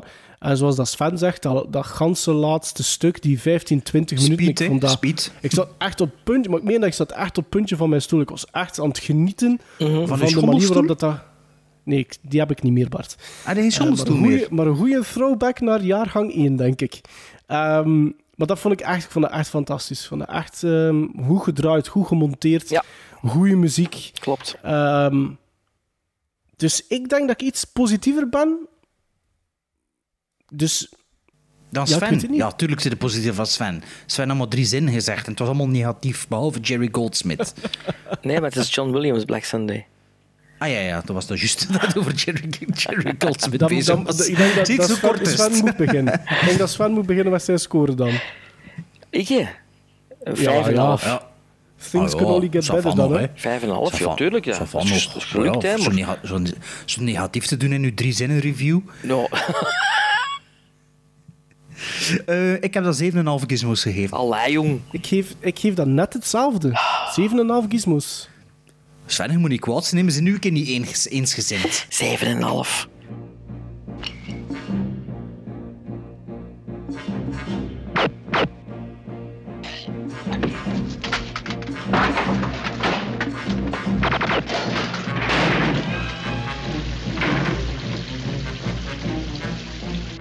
People of America, this situation is unbearable for us. Until you understand that and stop helping the Israelis with arms and money, we of the Black September movement will make it unbearable for you. Today's horror is nothing to what will happen unless your government acts now. We have begun the year for you with bloodshed. If you do not help me, you may have on your hands the blood of a great many innocent Americans. Kremlin Strike Back. Het is tijd voor een Canon-film. 52 Pickup. De derde film van John Frankenheimer die we gaan bespreken. En ik vind het leuk dat ik hier de synopsis van mag doen. Bart. Ik denk ook wel dat dat de bedoeling was. Ja, ik heb toch al de vorige aflevering zeggen, niets is toevallig hè, bij mij. Niets is toevallig. Nee. Drie psychopaten chanteren de zakenman Harry Mitchell, een rol van Roy Scheider, met een videocassette, waarop hij te zien is in het gezelschap van zijn minares. In ruil voor de cassette eisen ze 105.000 dollar. Harry wil zijn carrière en zijn huwelijk met zijn vrouw, gespeeld door Anne Margaret, niet op het spel zetten en hij besluit daarom het recht in eigen handen te nemen. Ja, ja. Dat is een beetje de synopsis. Meer moet er ook niet zijn. Dat is gelijk moest er doen. Ja, ja. Eh, het is ook geschreven door... Sven? Ik dacht dat het ging zeggen. Ik heb het gemist. Eh, dingen Elmore, Elmore Leonard? Ja, Elmore Leonard, de scenarist van eh, Jackie Brown, Out of Sight, Get Shorty en 310 to Yuma. Ik ook nog genoteerd, als ik het zo zie. Eh, en nog veel dingen, hè. bekende schrijver, een beetje een pulpy schrijver. Ehm, en pulpy is ook wel het woord dat ik zou gebruiken als de 52 pick-up begint, want eh, de score is eh, redelijk cheesy, 80s. canon 80s, eh, tot en met dat ik dacht, oh ja, het is, het is, het is, zo- het is zo'n soort film dat we aan gaan beginnen. Componist En, ehm, Gary Chang, trouwens een vaste componist van de Canon-films. Ah ja, Mhm. dus die, die man die er een bureau had en een synthesizer Ja, waarschijnlijk. Ehm, er was ook weer, ik wist niet waar ik me aan moest verwachten. Ik had die film van eh, op Arrow Video Blu-ray gekocht eh, vorig jaar of twee jaar geleden. Die lag hier al een tijdje klaar, nog niet aan toegekomen. Dus het was het ideaal moment om de, om de dingen, om het cellofaan eraf te, te, af te doen en, eh, en hem in de, in de Blu-ray-speler te pleuren. Ik moet zeggen, het duurde wel even voordat, voordat ik mee was met de film. Het was weer een beetje zo To Live and Die in L.A. vibe. Zo dat donkere in de eh, 80s LA-sfeerke. Niet zo de glamour, maar zo de, de, de, de, een beetje de Into the donkere Night. kantjes. De, ja, Into the Night. De donkere kantjes van L.A. in de jaren 80. Eh, en dat was niet per se wat ik me aan verwacht had. Ehm, maar eenmaal dat het verhaal vat op me had, was ik wel mee aan boord. Ehm, die film, die, die- dat begint ook zo vrij abstract. Abstract niet echt, maar het is niet zo goed duidelijk. Wat, wat zijn ze nu aan het doen? Die gast met die brievenmutsen. Dan komt hij op, die, in die, op, die, dat feestje terecht en is het ook niet direct duidelijk. Zijn dat al dan niet dezelfde gasten en zo? Dus bij dat vond ik het een beetje eh, onoverzichtelijk om dan om dan echt in het verhaal te geraken. Maar een keer dat de, dat de opzet duidelijk is en dat je ziet wat er gaat gebeuren, dan was ik eigenlijk wel ook weer mee voor de ride en eh, was ik aan boord voor de... Allee, omdat het een Canon-film was, ik zal het zo zeggen, had ik me een beetje aan iets anders verwacht. En eigenlijk was, het niet, was het eigenlijk geen Canon-film, hè. behalve de muziek en een paar keuzes, maar over het algemeen vind ik, het is, het is gewoon een, een, een, misdaad, een misdaadfilm. Hè. eh, met, met, een, met een personal touch dan misschien wel zo. Maar het, is, het, is, het is echt een, hoe noemt hij weer, Elmore Leonard? Leonard. Ja, verhaal. Je voelt dat, de, dat dat DNA erin zit van die, van die schrijver. En Herkent door de out, out of Sight en Jackie Brown herkende daar wel in. Wat ik wel een van de grootste minpunten vond aan de film, was de drie villains, de drie boeven. Op zich vond ik dat wel werken onder, onderling, die dynamiek tussen die drie personages. Maar ik vind hoe dan de personages zich gedurende het verhaal gedragen, dat dat niet consequent is. De ene keer zijn ze super amateuristisch, dan zijn ze clumsy, dan zijn ze hyperbrutaal, dan zijn ze zo van, oh ja... En dat vond ik eigenlijk het zwakste aan Hans de film. Is dat de... Ja, want eh, de, de beste scène van de film vond ik de scène in de projection room van de cinema. Wanneer dat Roy Scheider eigenlijk gewoon een keer gaat gaan tonen wie dat er de baas is en wie dat er de man is. En ik vond dat kop en schouders boven de rest van de scènes. Dan eh, ook de, de hoofdvillain is eh, John Glover. John Glover is eigenlijk de, de Trump-personage uit Gremlins 2. Dat dan de meeste mensen hem van herkennen. Ik dacht ook van, van waar herken ik die? En dat is, ah ja, dat is juist dat is die een mediamagnaat uit Gremlins 2. Ehm, ik vond ook die Anne Margaret was het zeker. Die vond ik niet zo goed spelen. Ik vond dat mm, met moment allee, vrij wisselvallig. Ehm, maar al bij al word ik echt wel aangenaam verrast door die film. En het is dat, men moest dat nu, moesten die slechteriken er consequenter, gebeurd, ehm, consequenter eh, ge- gedragen hebben door het verhaal. Die dynamiek tussen die drie en die drie verschillende personages, dat vond ik goed. Hè. Maar er zit tankt zo wat met ogen en haken en ogen aan elkaar, vond hoe dat die reagerende ten opzichte van Roy Scheider dan. Als je snapt wat ik bedoel. Een beetje, een beetje. Ehm, het enige dat ik wist van 52 Pickup was eh, de poster. Omdat ik gewoon, ik denk ook wel toen dat ik eh, een keer bij sale aan het doen was bij Arrow, dat ik die ook had zien staan en dat ik er dan een keer op geklikt had voor te kijken zo, wat, dat, dat, wat dat, dat juist misschien was. Ehm, dus wederom, ik wist daar voor de rest niks over. En wat dat ik vooral tof vond, is dat die film begint met het Canon-logo. Ik dacht, ah, het is een Canon-film, oké. En de muziek begint en dan dacht ik, ah, het is duidelijk een Canon-film, oké. Maar wat dat ik net zo tof vond, en dat is eigenlijk een beetje wat dat Bart daar juist ook zei, ik, ik kon plots niet meer voorspellen. Ik dacht van, oké, het is een Canon-film. En de manier waarop dat, dat geschreven was, was eigenlijk een beetje haaks op wat ik verwachtte van een Canon-film, of toch de Canon-films dat ik al gezien had.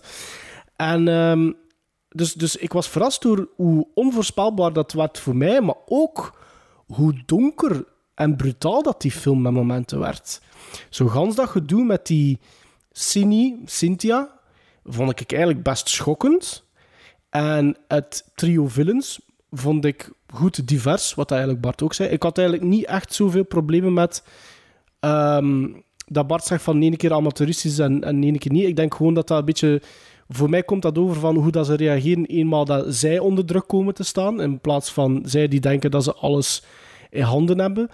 Ehm, die John Glover vond ik wel iets te hard zijn best om een accent te hebben. Ik vond dat hij met momenten, of was dat, probeerde hij een personage te creëren ten opzichte van Roy Scheider. Want soms spreekt hij precies met een Brits accent en dan, Ja. en dan is, is dat Brits accent ik denk weg dat dat de andere inconsequenties waarover dat een Bart het heeft. Ah, oké. Nee, Ja, nee, nee, ja. nee. Ik echt over hoe, dat die, hoe dan die zich gedragen. Ah, wel, maar dat is zelfs een van voor- de- Zelfs voordat ze zelf onder druk komen te staan, hè. echt ervoor al. Ah, toch? Ja, ja, ja. Oké. Ik vond dat van scène tot scène was dat, waren de andere personages in, niet? in, in, in terms van hun bagage dat ze mee hadden, of de ervaring Ja. dat ze hadden. Ik vond dat dat vrij varieerde. Zo, die, wat dat, die Crusade van Scheider hoe dat hij aan info komt en wat dat hij ermee aanvangt, vond ik goed. Uh, highlight van de film vond ik ook dat, dat, dat, hoe dat, dat alles uitspeelde ten opzichte van de villains. Dus uh, uiteindelijk zegt hij, ik neem het heft in eigen hand, zoals dat Bart zei. En hoe dat zij, die drie daaronder uh, op reageren en hoe dat hij ze probeert tegen elkaar uitspelen, vond dat wel eigenlijk goed gedaan. Dus voor het overgrote deel, ik had eigenlijk geen probleem met die film. En zeker omdat het iets... Het ging een andere richting uit dan dat ik dacht dat ging zijn, gewoon puur door de muziek en het Canon-logo te zien. Dus dat vond ik heel tof. Hetgeen dat ik iets minder geschreven vond, was... Um, um, dat eerste gesprek dat hij met Anne Margaret heeft. The woman so nice, they named her twice. Uh, om, om alles zo gezegd op te biechten. En dat vond ik zo'n beetje jammer. Ja, omdat, ik, vond dat ik, vind, dat geen zo... ik vind dat geen zo'n goede actrice, die Anne Margaret. Maar ik zie die wel graag spelen, ik. Mm. Absoluut ik zie die ook wel heel graag spelen. Ik zie die echt... Ik vind die een hele grote ja, naturel hebben. En een, sec een sexy naturel. En, ik vind ook dat zij 50, 52 pick-up, dit zijn voor mij niks verkeerd. Het tegendeel zelfs, op het einde, hoe dat ze dat reageert wanneer dat er iets gebeurt met haar, dat ze dat speelt. Ik vond dat eigenlijk heel overtuigend, ik vond dat eigenlijk heel goed gedaan. Uh, maar ik vond gewoon dat, dat gesprek tussen Roy Scheider en die vrouw, zeker omdat we, dat we te weten komen ook wat dat de carrière, of de politieke carrière, mogelijk kan zijn van die Anne Margaret. En dat hij op een gegeven moment tegen zijn advocaat of tegen iemand zegt van ja, ik wil niks zeggen omdat dat haar eventueel kan schaden. Maar dan besluit hij toch van iets te zeggen, maar hij vertaalt amper de helft van het verhaal. En dat vond ik zo'n beetje jammer op dat punt van, van de film. Zeg, wat, dat hoeft, zeg het dan allemaal in één, want uiteindelijk denk ik dat het er beter gaat uitkomen. Maar dat gebeurt dus niet. Ja, dat is ook niet zo interessant um, voor het verhaal, hè? Moest het allemaal Ik denk niet dat dat zoveel... Ik weet het niet. Ik vind dat heel sterk zijn. Het is, een, het is een goed gespeeld. goed geschreven. De, de, ja, de dialogen die daar naar elkaar worden gegooid, die vind ik eigenlijk... Ik, ik vond dat de beste scène van de film. Omdat ik dat echt zo van... Ik vind dat een goede scène. Ik vind het gewoon informatief. Vind ik je verwacht toch niet dat hij zo reageert? Mm, dat weet ik niet. Maar ik vond dat echt... Ik vond dat, zeker voor, ik vond dat zeker voor in die tijd, wat is het, 86, vond ik dat een, een, een heel sterk vrouwelijk personage in haar, zeker in die scène, in haar dialogen die ze ah, Ja, absoluut. Ja, dat wel. Dus, ja, dat, dat, dat, daar geef ik u gelijk in. Um, en als er nog een klein minpuntje is, ik vond het einde, dus het absolute einde, vond ik misschien voor mij een klein beetje een anticlimax. Klein beetje. Ik had liever iets meer involvement dan nog uiteindelijk gezien van ons hoofdrolspace, van, van, van Scheider, ons hoofdpersonage op dat moment. Zeker met de wetenschap dat hij dan weet dat er, allez, dat er iets met zijn vrouw ook gebeurd is. Dus ik had gehoopt dat misschien op een, ja, iets anders zou gebeuren dan hetgeen dat gebeurt helemaal op het einde. Um, maar zoals dat Bart zegt, één iets dat ik wel neergeschreven heb, ik vond ook van, en ik had dat meest met die uh, gekleurde acteur. Ik had zijn naam Clarence Williams III. The Third, ja. Dus die speelt Bobby, of Bobby Shy, denk ik dat hij gecredit wordt op IMDb. Ik vond die scène dat hij speelt met Vanity, want ik weet niet wie dat, dat is, hè? Vanity. Um, Als hij haar wakker maakt om drie uur namiddags. Ja, dat vond ik echt heel, heel slecht gespeeld. Op, hij begint op, een moment met een, op, op dat moment begint hij op een heel ander timbre te spreken. Plots is het bijna een falsetto dat hij krijgt. Heel hoog te, spreken. En ik had zoiets van... Dat, dat, dat, klopt niet. Dat voelde echt niet goed aan. Um, dus dat, daar geef ik Bart wel een beetje gelijk in. Ik denk, misschien, had ik, misschien zou ik minder positief zijn over 52 Pickup, moest het niet in een Canon-film geweest zijn. Ik weet het niet. Het was zo onvoorspelbaar plots dat ik... I was along for the ride en ik vond het eigenlijk wel goed. En Sven gaat nu alles beamen wat ik gezegd heb. Toch wat dat positief was. Zeker wat dat positief was. uh, ja, nee, dat, die, die film begint en ja, ik, ik denk direct van, ah, de twee anderen zullen denken, ah, dat is de film Ride Up the Alley van Sven, het Canon-logo, de 80s muziek, het uh, donkere LA van de jaren 80. Allemaal top, vind ik. Um, en dan uh, zie ik de eerste scène en ik denk direct van, ik heb die film gezien. Ik heb die gezien. Uh, had dat toch al gezegd? Had hij toch gezien? Ja. ja, maar ik was het eigenlijk een beetje vergeten. Ah, ja, ja. ja. Dus, ja, door alle repetities en films te zien en, was ik het een beetje vergeten. En dacht van, ah ja, ik heb die gezien. Uh, en dat kwam al heel rap terug. En, en, dus kon ik ook letten op andere dingen. Uh, zoals Roy Scheider, wat ik toch een ongelooflijk straffe, onderschatte acteur vind. Ik vind hem veel beter hierin dan in Blue Thunder. Vind ik hem veel meer, Ja, eh, ik ook. Ik veel ook. meer van vlees en bloed en, en veel meer. Maar ja, Film is misschien ook anders, personage. Hè. Wat blieft? Ja, een film is ook anders hè, dan, dan, dan Blood Thunder. Hè. De... Ja, het is dat. Het is ook een meer diepgangend Nu, het, is, personage. het is niet zo'n veelzijdige acteur, hè, want hij ziet er ook bijna altijd hetzelfde uit. Eh, maar het is altijd wel heel charismatisch en heel... Hij heeft een ongelooflijke kop, vind ik. Doet me soms denken aan Kirk Douglas op sommige momenten. Dat, dat je zo... Of aan Belmondo. Ja. Ja, ook. ook. Maar zo... Ik, ik, ik weet niet of dat komt, dat hij eh, zo net onder de radar altijd gebleven is in zijn carrière. Want dat is toch nooit geen A-lister geweest, hè?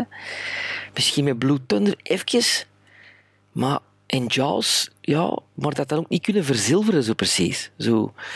Maar is dat iemand die wel...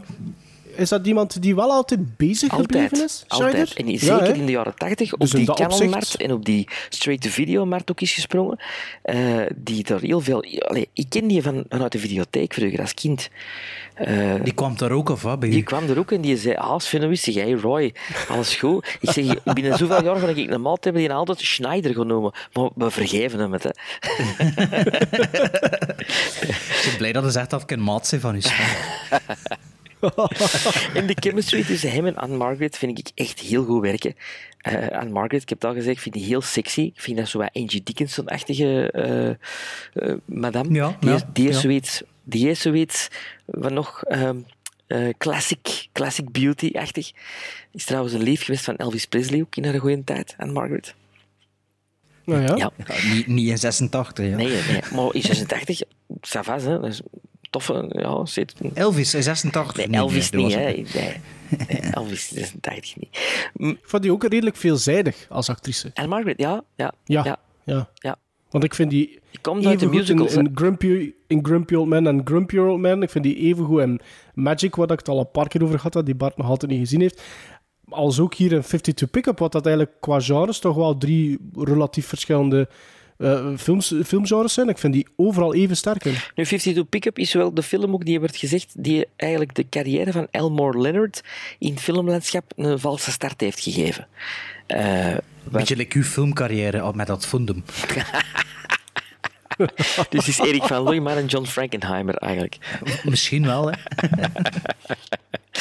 Eh, want die is daarna eigenlijk bijna niet meer verfilmd geweest, eh, totdat hem terug is opgepikt. Ik geloof met Get Shorty. Ik denk dat dat... Maar wil dat dan zeggen... Wat, dat, Sidney dat- Lumet zeker. Kid Shorty. Nee. Is het niet van Kid... eh, Nee? Van wie is Kid Shorty dan? is het. Nee, is Barry dat niet van... Sonnenfeld of ehm, zoiets, zeker? Ja, Barry Ja. Sonnenfeld. Ja, Ah, wat denk is- ook van Barry Sonnenfeld. Ah, oké, ja.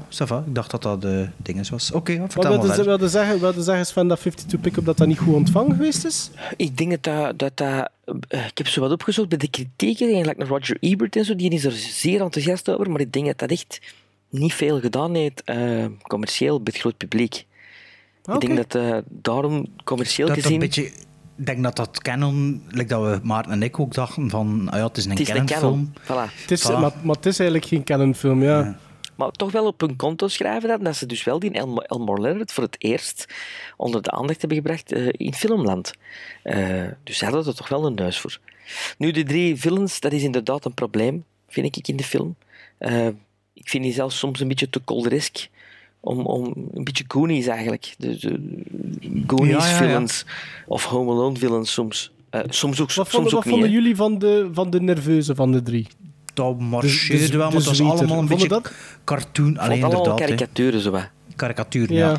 Terwijl Maar dat Anne Margaret en zo heel, heel down to earth en, en, en Maar ik, vond, ik wel dan die drie, die drie villains, dat werkte wel met elkaar samen. Zo. Die drie samen, dat werkte wel. En weet je wat maar ik vond, werkte? Ja. ik vond die evolutie of die, die, die, die bagage van die...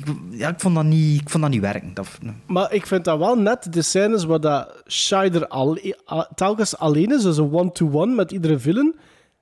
Die scènes vind ik... Dus jij hebt het over de projector, hè, de, de, de, ja, maar die, werken, die werken zeker, hè, maar dan Maar gewoon... ik, vind, maar ik vind die even goed tussen hem en de, de, de kleine zweter in de bar. Vind ik die ook, vond ik die echt een hele goede scène. Als ook hij alleen, allee, samen met Anne Margaret dan wel, ook bij hem thuis. Met die gekleurde man, met die Bobby. Mhm. Ik vond dat drie, als hij one-to-one bezig is, misschien is dat ook weer eh, een great actor, die de andere dan wat beter maakt. Maar dat vond ik dat wel goede scènes, alle drie.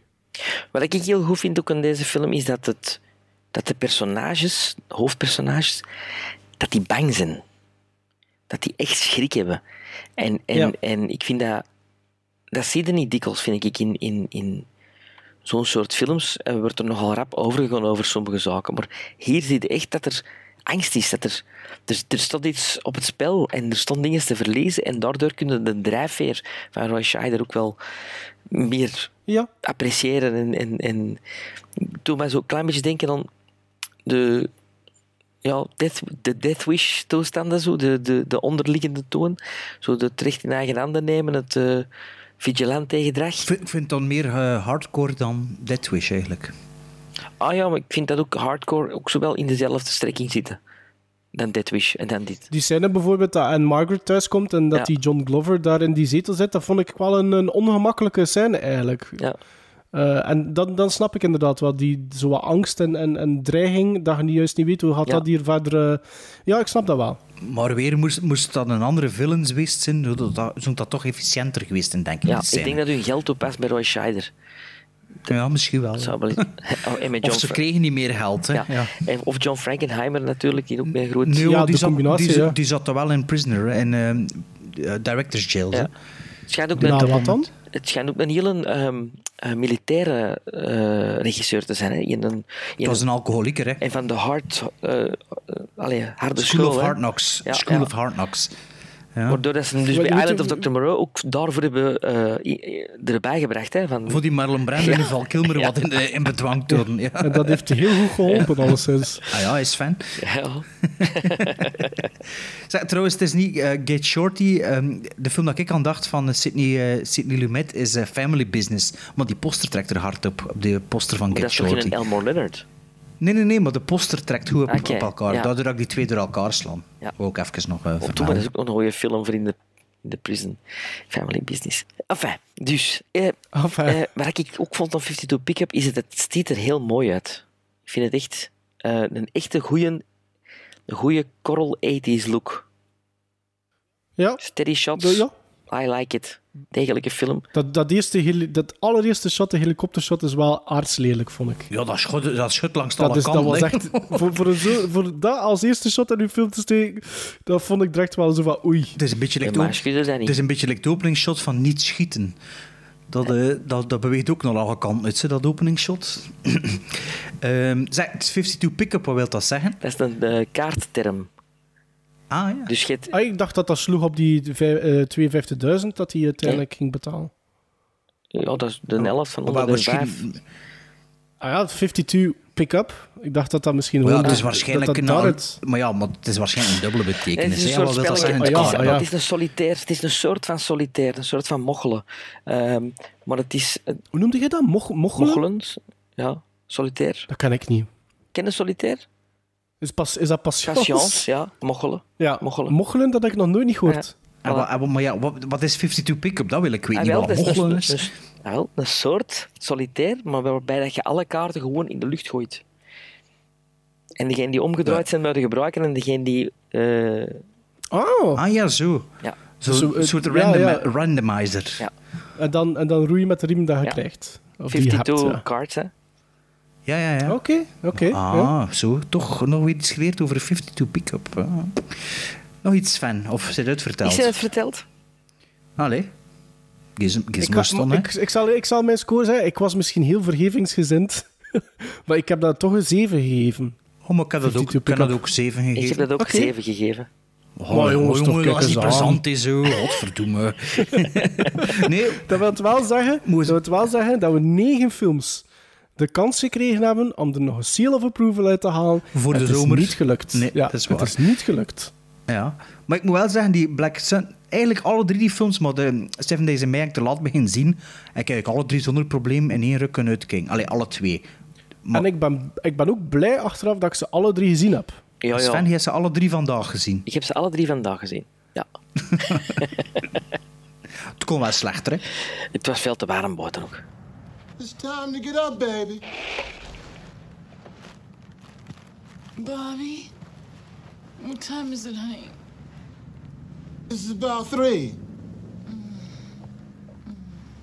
That man will come here. His name, Mitchell? Friend of Cindy's? You don't tell me his name. Just a friend of Cindy's, honey. Well, what y'all talk about? Mm, nothing. I told him to come back sometime. What else you tell him? What do I know? What do I know? I can tell him. I don't know nothing. Ja, Sven, we zijn benieuwd. Hè? Oh, je bent benieuwd. Sven Ah, ja? wat, dat, wat dat we moeten doen van de zomer voor u? Moet ik je dat nou al zeggen? Ja, wat, wat, Ah, ja, ik allemaal in september beginnen doen, ze. Allee, wat heb je, voor, wat heb je Ja. voorbereid? Ja, Kom. ik heb hier een heel lijstje voorbereid. Maar doe maar, doe maar. Ja, maar het is... Allee, er gaan nog, er gaan nog topjes komen en zo waarschijnlijk, hè. Maar die heb ik nu nog niet. Ah, maar nee, maar. De vorige, maar vorige, de- vorig jaar heb ik dat ook niet gedaan, De kijkopdracht, nee, moet we Ja, de kijkopdrachten. De kijkopdrachten, ja. Dan kunnen de, de luisteraars meekijken met ons. Maar eh, we zullen het bij twee films houden, hè, gelijk vorige keer, hè, want anders wordt het te, te veel, hè? Of niet? Eh, Ik denk het wel, ja. Ik denk wel dat het te veel wordt. Maar ja, je zit een patroon in, hè, september, Sventember. Ja, ik weet het, ik weet het. Maar ehm, je mag weer kiezen. Daar had ik op gehoopt. Ja, ik ook, ja. ja. Allee, kom. Laat ons Is niet langer in met een, is het spanning. weer met een quizje? Het is... eh, nee, deze keer is het eigenlijk niet meer een quizje. Nee, je moest al drie, moest al drie films zien vandaag. Nee, het... ehm, ja, het is... Ja... Hoe moet ik dat Dus het doen? is een cryptische omschrijving en we moeten dan één kiezen ervan, of wat? Eh, ja, maar het, Ook niet. zeg het gewoon, het zijn genres eigenlijk. Ja. Ah, maar dat is ook goed. Dat is ook goed, hè? Voilà. En het eh, eerste genre is baseballfilm. Het Ja. Ja. tweede genre is comedyfilm. En het derde genre is Amerikaanse geschiedenis. Ja. Ja. Ik kan, ik kan En- zowel en- bij één als drie zowel raden wat dat er misschien zou kunnen En inzetten. wat is het idee nu? Dus in elk thema zitten er drie, twee Nee, films? twee of- films. Twee films. Ja. En wat moeten we doen? Kiezen? ja. Ik heb zo geen roll the dice. Maar, Maarten, je hebt dat op je telefoon staan, hè? Kom. Doe die een Eh, randomizer. nee, nee, nee ik, heb dat, ik heb dat niet meer staan, maar ik kan dat wel rap heel snel ah, ik doen. heb hier hè. random. Wacht. Oh ja, moet het niet Ah, ja. installeren. Wacht. Ja, maar doe geen maar ondertussen. Want we ja, de- kiezen, is Sven, als dat goed is voor u. Absoluut. Wacht, hè. hier. Dat komt Dus direct. één, Dat één is baseball, simpel. Twee Baseball, twee comedy en drie is ja, is eh, Amerikaanse geschiedenis. Oké, wacht. Hè. Zij ieder- dus, oké. Klaar? Ja. Ja. Oké, ik klik twee. Dat doen we twee niet. En dan ga ik het nog tussen één en Ah, drie. Oké, één en drie. Ja, vijf. Wacht, hè. Zes, vijf, één. Eén. Baseballfilms. Oh, Field of Doen we Dreams. Ah, ja, wat doen we A niet? League, a Yes, League of Their yes. Own. A League of Their Own. Nee, het zijn mijn twee, Major- twee favoriete baseballfilms aller tijden. Ja, maar ja, die doen we niet, hè? Of wel? Doen we wel, hè? Oeh, de ene keer doen we het niet en de volgende dice doen we het wel. Oh nee, als hij één. Ah ja. Ah nee, dan is het drie. Is, is het Dan is Glory? het Amerikaanse geschiedenis. Is het Glory? Nee, het is niet Glory. Tjie toch. Ehm, voor de Amerikaanse geschiedenisfilms ga ik naar twee seizoenen.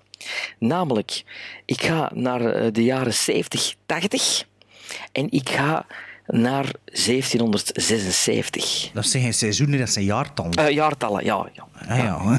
ja het is hier waar. Oké, is dus jaren 70, 70, 80 en 17... 76. Oké. Dus in 1776 is er iets gebeurd in Amerika. De... Afschaffen, afschaffing van de slavernij. Nee, dat was iets later. Burgeroorlog. zeker? De wat?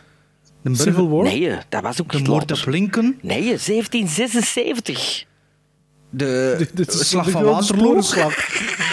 Mannetjes, mannetjes, wat is al Amerikaanse De geschiedenis? Alamo. De Het Alamo. ontstaan van de United States of America. Ah ja, ja, de Boston Tea. Boston Tea Party. Voilà. Nee, het was geen Tea Party. 1776 was eh, de revolutie, mannetjes. De Amerikaanse revolutie.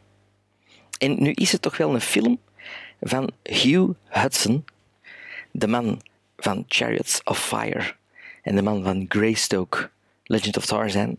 Een film die ik heel goed vind, maar die eh, in de boeken staat als niet zo goed. Het zou een Prison Bound film kunnen zijn, maar ik wil absoluut dat je hem ziet.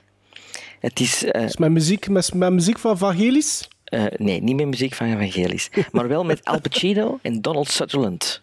Namelijk Revolution van 85. Ah ja, daar heb ik onlangs iets van gehoord, volgens mij. Ja? Ja. Cool, cool. Ja. En een tweede film gaat eh, over... eh, Ah, bij Gilbert Gottfried, bij die gast had hij mij ook Ja. gezegd. Dat. ja, juist. Die had dat geproduceerd. Ja, ja, ja. Die was daar niet zo positief Je was over. er niet zo positief over. De meeste mensen niet, maar ja, ik vind dat toch wel eh, een hele eh chique film. De tweede film is van Costa Gavras. Costa Gavras is een politiek eh, filmregisseur die altijd politieke thema's eh, aangrijpt, zoals Z of zoals eh, Missing met Jack Lemmon en Sissy Spacek. Maar ik wil het hebben over een van zijn eh, ja, laatste bekende films eigenlijk, Betrayed, met Tom Berenger en Deborah Winger. En dat gaat of speelt zich af in de extreemrechtse Ku Klux Klan kringen aan de jaren Ah, ja, 70, cool. 80. Oh, oké. Yes. Ja, dat Cool. vind ik wel... eh, dat spreekt mij aan. Dus dat, dat wordt Sven Tember aflevering 1. Dat worden de films die je moet kijken voor Sven Tember aflevering 1. Maar in Sven Tember aflevering 1 is er natuurlijk Komt er- nog iets. ja. Is er ruimte voor iets anders? Sven verjaart binnen twee weken. En zoals dat we in 2019 geïnteresse- eh, geïntroduceerd hebben, is we geven de co-host een film dat hij moet bekijken. En we bespreken dit dan in een aflevering. Ik was dat al vergeten. Ja, maar wij vergeten zo'n dingen natuurlijk niet. niet. hè. Ah, Ehm. Wat dat ik ook nog weet, is dat er zo aan het trunten wordt van ja, maar ja, en ik dan? En het is dan zomervakantie en ik word altijd vergeten. En in school was dat zo. En ik ken dan nooit iets. En het is dit en dat. Trauma's. En dan hebben Maarten en ik beslist van kijk, we geven nu geen twee films dat je mogen ontdekken, maar we geven er u vier. Mocht jongen. Maar hoe moet je dat allemaal doen? Maar we doen er twee twee naar uw keuze doen we in de eerste aflevering na september, na de zomer. En de twee andere naar u- van uw keuze doen we na de tweede aflevering na de zomer. Dus we geven u nu vier films mee. Zie maar of dat ze kunnen zien. Maar de tweede september zitten er dus ook al twee films in die wij gekozen hebben. Oké. Dus het zit eigenlijk al vol, dat wil we eerlijk zeggen. Het zit Nee, eigenlijk dat is niet al waar. Dat is niet Ik waar. Ik die baseballfilms. Eh, ik heb ze gezien, ja. Ik heb ze ook gezien. We hebben er elk Die twee ge- gekozen. Ja. Ja. En ik zal kijk anders beginnen door te zeggen wat ik aan u gegeven heb. Hè, en dat kun je al blazen en doen. Maar eigenlijk niet, want het is de bedoeling dat je iets ontdekt. Hè. Ja, ja. Dat de- Ja, het, maar, en het, En zijn ik- de bedo- het is de bedoeling dat we films kiezen waarvan dat we denken dat, Dus je, dat, je- de persoon goed gaat vinden. Ja, hè? ja. Ja. Of dat het toch iets aan gaat vinden en dat je nog niet gezien hebt. Hè. En als ik mijn eh, notas goed bijgehouden heb, zouden deze twee films en die van Maarten eigenlijk nog niet gezien moeten hebben. Ehm, de eerste film is een film van 1964. En ik was blij dat hij eigenlijk nog redelijk positief was over Seven Days in May. Eh, het is een film met James Earl Jones, eh, George C. Scott, Sterling Hayden, Slim Pickens en Peter Sellers. Oké. Dan heb ik het over het Stanley Kubrick film Dr. Strangelove or How- I Learned to Stop Worrying and Love the Bomb. Dat je volgens mij nog nooit gezien hebt. hè. Dat is inderdaad. Dus eh, deze mag je ontdekken deze zomer. En de andere film is ook een film dat je nog niet gezien hebt. Het is een film van Bob Robertson, van 1964 ook. Maar Bob Robertson is een, ehm, is een eh, noemt dat weer? Een pseudoniem van een bekendere regisseur. En de film is de eerste in een trilogie. En het is een film met Clint Eastwood eh, van Sergio Leone. En toen heb ik het over A Fistful of Dollars, Ja. dat je volgens mij ook nog niet gezien hebt. Nee, nee. En zijn er al twee goede keuzes? Ja, maar als je dan een fistful, dan vind ik... Dan moet het... Maar ja, dat is de eerste uit de Ja, het is de trilogie, eerste van de trilogie. We gaan hier geen... Oké. Ja, maar Ja. ja. En, Oké. en The Good, The Bad and The Ugly had al gezien, Ja, hè? maar die andere niet. Voor a few dollars more. Ah, maar dat is, Ja, maar dat is de tweede, ja, moet maar het allemaal zelf bezien, hè? Ja, maar ja, we kunnen het niet allemaal verplichten. Je kunt, je kunt je zomer zo druk maken, eh, Oké. zo druk maken dat je zelf wilt. Hè? Voilà, voilà, voilà. En uh, Maarten, En- zeg maar Ja, wat hij dan heb gekozen ik ook nog twee films gekozen. Allee, als Bart zijn notities accuraat waren, maar ik heb Bart zijn notities wel gebruikt ervoor. Maar je wel zelf gekozen, hè? Dat is waar, ik heb wel zelf gekozen. Ja, dat, dat, de duidelijkheid, zoveel, zoveel eer valt mij wel te, te bekomen. Ehm, Sven, ik heb twee films gekozen en die, de beide films qua release date zitten 69 jaar uit elkaar. Ja. De eerste eh, film is er eentje uit 1933 met een fantastische Claude Rains in de hoofdrol. En het is The Invisible Man. En hij duikt weg, maar daar, Invisible ben je terug. ja, die Invisible Man Kijk, uit 1933. En dan gaan we naar 2002 voor een film waar dat je al een paar keer ja, toch enthousiast over geweest bent toen dat we de titel lieten vallen. Het is een film van Don Coscarelli. Het is Bubba Hotep. Ah, ja. Met Bruce Campbell en Met de laatste Campbell rol van Ossie Davis. Ossie Davis. Kijk hoor, ik ben eigenlijk met alle vier heel content. Ah ja, dat is de bedoeling. En hè, het, loopt, al het is voorhand, eh, Ja. maar Dus gewoon het dit Re- zijn jouw, Revolution en Betrayed ook nog niet gezien. Nee, nog niet gezien. Top. En ik had van die laatste nog nooit niet gehoord zelfs. Oké. Ladies and gentlemen, I'm here tonight to tell you a very strange story. A story so strange that no one will believe it. Watermelon zweetjesmelee!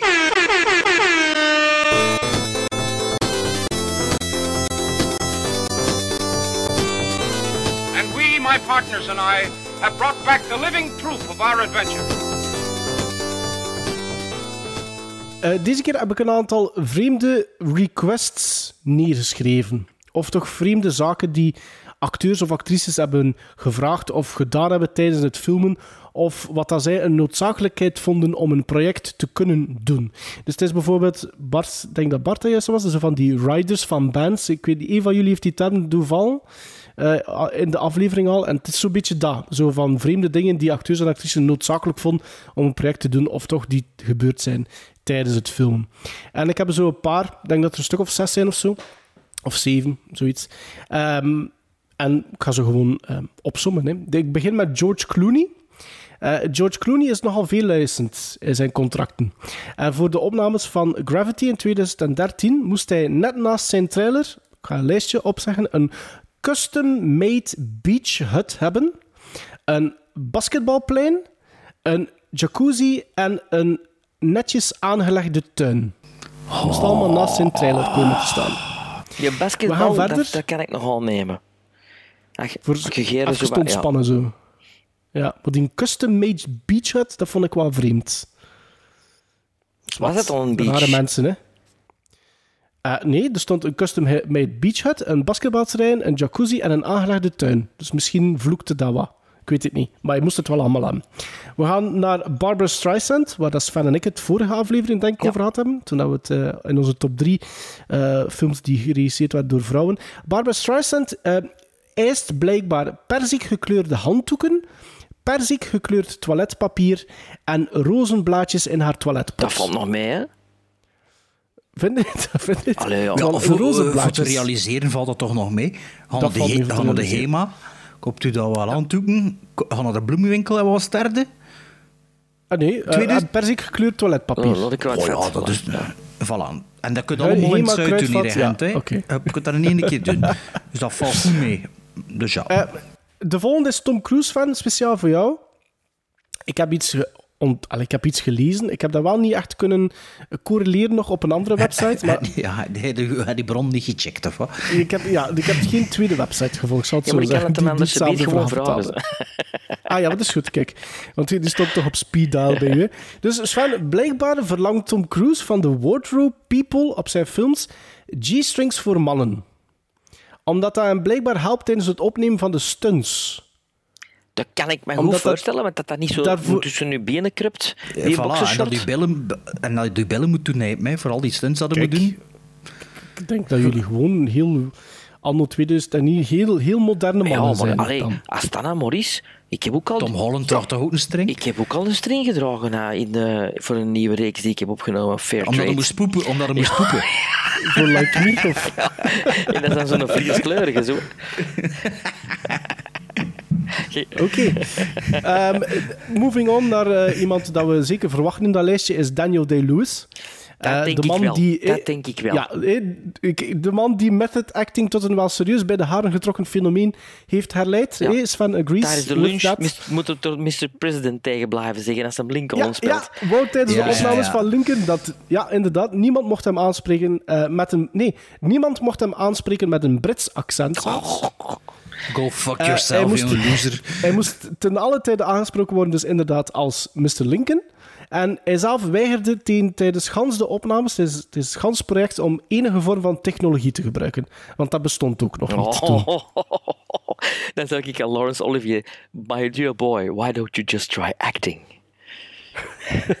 Met There Will Be Blood was dat ook zo. Ik heb een keer eh, een, inter- een Ja. interview gehoord met een, een, eh, eh, ja, iemand dat er ook wel een belangrijke rol, maar ja, uiteindelijk in There Will Be Blood zijn er maar twee hoofdrollen natuurlijk. En dat dat, ook, dat dat ook allemaal zo van die belachelijke dingen waren. Maar dat die plots gewoon tussen twee takes zijn over baseball of over voetbal of over, ik weet niet wat, over een of andere sport begon te babbelen met een ander. En dat, en tussen elke keer dat er kut werd geroepen, weer, weer verder babbelde over de voetbal. En dat was ook zo van, ja, kerel, je zit hier al maanden belachelijk aan het doen en nu gaat het plots, En nu gaat het plots, plots ja. even over de voetbal beginnen babbelen of zo. Oh, dus hij is niet zo Dan- consequent. Daniel zelf. Day-Lewis, ja. ja. Denk dat de Ja, of- hype, of de hype van, ook groter eh, wordt gemokt. Of, of die een acteur was van Ierland of zo. En ze hadden, ze hadden zo'n soort common ground. Ja, of, ja, ja. Het was zoiets. Zo. Maar en begon, allee, Daniel Day-Lewis begon er zelf over. Dus ja, dat was... Ja, maar de details weet ik ook niet meer. Ehm, na Daniel Day-Lewis zitten we aan Uma Thurman. Tijdens de contractbespreking van een film Eloise in Paris, en dat is een film die uiteindelijk nooit gemaakt zou worden, liet Thurman in haar contract optekenen dat zij ten alle tijde drie mobiele telefoons nodig had. Maar het speciale was vooral het feit dat ze toestemming moest krijgen om de kostuums en de pruiken die gebruikt waren in de film aan te kopen aan 50% korting. Vond ik een redelijke vreemde clausule in Vooral die contract. pruiken. Pruiken Al 50% korting dan nog. Ja, zeg toch gewoon, ja, zeg toch gewoon dat Geef ze wel dat, dan, hè. geef dat. Ja. Nee, pas Ja. dat dat wordt nee. wel gedaan zodat je de kleren onder de helft van de prijs moet overkopen. Ja? Ja, doen dat dikwijls. Heb je die G-string overgekocht? Nee, maar ik doe dikwijls kostuums die, dan- die dan, hè, omdat ik niet zo'n maat normale gemaakt maat zijn, heb. ja. En dan zeg ik, mag ik die overkopen? En dan koop ik die voor de helft van de prijs. En dan moet ik die niet meer gaan passen in de winkel. En, allee, Ah, ja, ja, Kijk, nee, ik, nee. leer, ik leer hier volop dingen bij. Gemakkelijk. Over Nee, het nee, dat- acteursbestaan. Maar ik stond, ik stond dan als ik Uma Thurman zin en dat dat toch in uw contract stond, zegt, want dat is de gratis mag hè, dat gaat ook goed zijn. hè. zelfs die gele dan nog hebben. ja, ja, die sneakers. Een kleintje over Steve McQueen. Ehm, tijdens de opnames van The Towering Inferno. Want Steve, Steve McQueen, die blijkbaar adoreerde verafgoede Paul Newman. Eh, maar hij had wel een opmerkelijk verzoek tijdens de opnames van The Towering Inferno. Hij stond erop 12 extra zinnen voor hem te schrijven, te schrijven zodanig dat hij evenveel zinnen had als ehm, Paul Newman. Ja, Is er nog een detail van de Towering Inferno? nee. Dat, nee. dat was de grote strijd achter de schermen. Inderdaad, hij zag enorm op naar Paul Newman. Maar toch wou hij dat zijn naam eerst verscheen op de generiek. Ah, ja, ja, dat ik ken dat verhaal uit gehoord. Ah, en dus, ja. En hoe is dat dan opgelost? En Ja? wel, hij zei, ja, maar ik kijk zo op naar Paul Newman, maar toch wil ik dat mijn naam eerst verschijnt. En dan heeft Paul Newman gezegd, oké, maar dat je dan toch zo naar mij opkijkt, dan zit mijn naam tweede, maar hij komt boven die van A. dus Steve McQueen verschijnt, en een paar dingen later zit zo Paul Newman, en op dat fiche is dat ook zo. Ja, ja, ja. Als je naar dat affiche kijkt, zie je eerst Steve McQueen verschijnen en dan... Nee, ja. dan er... Ah, oké. En om af te sluiten heb ik een, eh, een, een vreemde vogel, maar dat was ondertussen al allemaal bekend. eh, namelijk Gary Busey.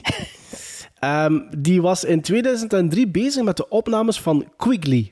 En dat is een film over... Quigley, ik heb Down- film nog nooit niet gezien. Under. Nee, gewoon Quigley. Dat gaat over een, een s- in slecht persoon dat, eh, die gereïncarneerd wordt in een hond. Oh. Om te boeten voor zijn daden. Nee, het is niet die eh, film. Het is niet die met Tom Ah, en daarom is Gary Busey getrekt, eh, ge, ge, ge- gecast, omdat hij op een hond trekt. Ja, waarschijnlijk, dat zal er misschien wel iets Die mee te maken dat op een hebben. hond, hè, Gary Busey? Ik vind dat wel, dat hij Op een dat? die gebeten is, vind ik. In zijn Ja, gezicht. ja, ja. ja, ja nee. Oké, ah, wel, ja, dat zal er mee, meegespeeld hebben. Maar eh, het, het, het weetje gaat erover dat ehm, de opnames van die film sowieso al niet super verliepen. Op een gegeven moment lag de productie al eh, drie dagen achter op schema. En toen moesten er scènes gefilmd worden die zogezegd in de hemel afspeelden. En Gary Busey wandelde op de set. Die keek rond en die zei... I can't do this scene.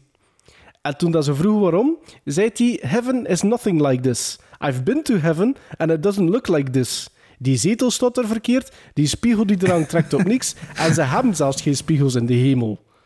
Dus al die gasten worden zo van, what the fuck is er hier aan het gebeuren? En blijkbaar, Busey, die meent dat dus te weten, omdat hij ooit moet hij een ernstig motorongeluk gehad hebben. Ja. En die is op een gegeven moment doodverklaard Ja. op de operatietafel. Dat is ook zo En zot als tegen Larry-. En tegen Larry King in een interview zou hij ooit gezegd hebben dat hij eh, angels heeft gezien ondertussen. En dat dat grote bellen licht zijn die zweven en enkel liefde en warmte uitstralen. Mooi, toch. Dat schijnt wel een hele verschrikkelijke mens, hè, Gary Busey. Ja, zo zot als Dat eten. schijnt. eh, Drug-infested. Are you ready? Yes. Excellent. This is the uppercase A. A. is A, A, A, A, A, E, icky, O, ooh, ooh, ooh, icky, A, E, I, O, ooh, icky, I, O, ooh. A, B, C, D, E, F, G, H, I, J, K, L, M, N, O, P, Q, R, S, T, U, V, W, X, Y, Z. Huh? That's all you have to do. Gremlins Strike Back. We zitten al aan de Hash. negende letter van het alfabet. We hebben dus al negen keer eh, dit segment gedaan, de movie-alfabet. Eh, Opnieuw, Sven? Dat is de achtste, hè? A, B, C, D, E, F, G, H. Ah ja, de, de achtste. Achtste? Dat weet het Men dus al acht keer gedaan. Maar je weet dat toch? Ah, Je ja. het juist op je vingers zitten doen. Oh, maar nee, 88. Je weet toch wat dat wil zeggen bij de... Bij de Ah ja, Heil Hitler. Ja, ja, maar ja, oké. Bij, de, bij, de, wat? bij de motaars. Ja. Ehm, dus Heil Hitler, ehm nummer 8, de Haas, de naar boven voor de West-Vlamingen. Eh, voor Sven 88. Ehm met dus al zeven, ze- werd dus al zeven keer gedaan, dus dit is de achtste keer, maar toch zal ik voor al onze nieuwe luisteraars, die Maarten vermoedt dat we nu hebben, nog een keer de, de uitleg doen van de movie-alfabet. We gaan voor onze kast staan, onze dvd-kast, onze laserdiskkast, onze videocassettekast. En we, we kiezen er een film uit die begint met de letter hash, de H naar boven. Ehm, en daar, daar hebben we het over. De enige ehm, eh, eh, leidraad is, we moeten hem fysiek in onze collectie hebben. Dus het moet niet iets zijn van Netflix, niet iets van de iTunes Store, niks van Amazon eh, online, bla bla bla. Nee, je moet hem kunnen vastpakken op dit eigenste moment, als je dat zou kunnen. zo, als je dat zou willen kunnen. Ehm, dus ja, ik ben benieuwd waar Sven eh, deze keer op uitgekomen is bij de letter Ash. Met de letter Ash. Ik had heel veel letter Ash. Ehm, en ik wou iets nemen dat ik misschien ooit al eens heb aangetipt, maar waar we nog niet dieper op zijn ingegaan. Het is een film van Peter Hames. Eh, Peter Hames, die we al eens besproken hebben met Outland, onder andere. En The Deep. Nog een, hè? Onlangs? De Deep. Nee, dat is Peter Yates. Ah, dat is Peter Yates, ja. ja, ja. En die ook uh, Sudden Death gedaan heeft. Ja, alle uh, goede Van Dams heeft hij gedaan. Time Cop, Sudden Death. Uh, die heeft ook End of Days met Schwarzenegger gedaan. The Presidio met Mark Harmon. Uh, Running Scared met Billy Crystal en Gregory Hines. hoe is dat nog mee, uh, Sven? Hoe is dat nog mee? Zo stil als iets, wat mijn pleidooi alleen maar versterkt. Ook 2010, het vervolg op 2001, heeft hij gemaakt. Maar ik ga het hebben over een van zijn eerste films uit 1979. Hanover Street. Jullie gekend? Zeg maar vaag Nee, iets. maar Margaret, zal- een Engelse verpleegster, gespeeld door Leslie Ann Down. Prachtige actrice met de mooiste ogen ever. Die is tijdens Wereldoorlog 2 getrouwd met een geheime agent, een rol van Christopher Plummer. En wordt verliefd op een Amerikaanse piloot, rol van Harrison Ford. Een hele goede Wereldoorlog 2 film. Uh, het is een romantische uh, Wereldoorlog 2 film. Er zit ook heel veel spanning in. Uh, op een gegeven moment moet Harrison Ford ook zich vermommen als nazi. En het beeld alleen al van Harrison Ford in een kostuum van een nazi, ja, daarvoor moeten die film zien. En ook voor de muziek, want de muziek van John Barry is daarna schaamtelijk, maar ook echt one-on-one gestolen geweest door Hans Zimmer voor Pearl Harbor. Ja, maar het is nu, lekker als, Oh. nu doet het lekker alsof dat een nieuw fragment komt, maar dat komt niet, hè, Sven. Er komt geen fragment, hè. Ik weet dat niet. Ik weet dat niet. Ja, ja, maar dus zo van, hè, ja, ja, ja. Nee, nee, nee. Maar Hanover Street. Gezien? Nee. Ah, voilà. Zo'n vergeten Wereldoorlog 2 filmpje. Maar goed, wel voor u. Ja, Ja. echt goed. Ja. Oké. Mijn letter H is een, ehm, een van de verfilmingen van een bekend verhaal eigenlijk. Waarvan de eerste al zo vroeg eigenlijk ooit is, eh, geloof ik in 1905, ooit de eerste verfilming uitgekomen van dat verhaal. En het best gekend is het door een Disney-film uit 66. Eh, het is The Hunchback of Notre Dame uit 1939 met Charles Lawton in de hoofdrol. Maar wat zeg je, de Wat dat bekendste versie van Disney van Is de 66? Dis- nee, de bekendste verfilming van dat verhaal is eigenlijk de Disney-film uit 66. Dat is best gekend bij de mensen The Hunchback of Notre Dame Is dat uit niet de, teken- 66. de tekenfilm van 92? Ah, wel, de tekenfilm. Nee, nee. Dat is, toch- is dat niet van Nee, nee, nee, 66? nee, nee, nee, nee, nee. Is dat van 66?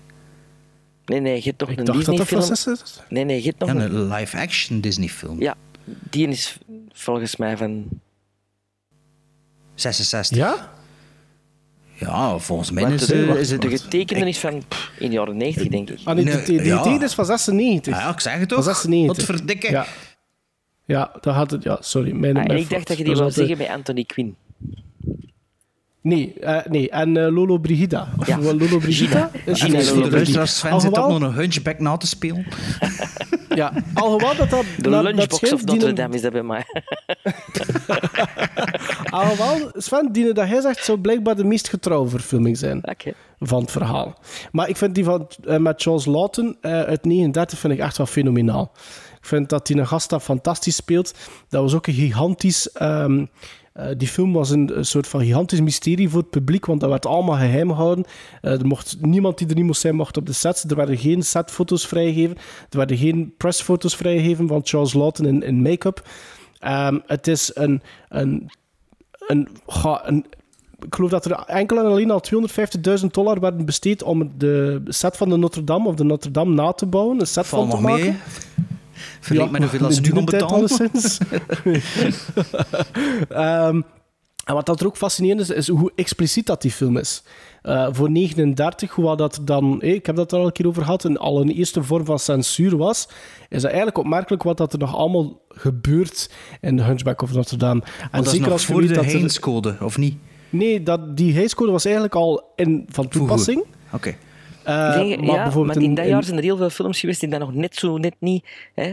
Ja, ja, het is zo... Het probleem was dat die eigenlijk die eerste, die eerste dinges, die eerste vorm van censuur, was eigenlijk geen verplichting. Ah, dat was het. Ah, dat is ja, eigenlijk een soort ja, van, ja, ja.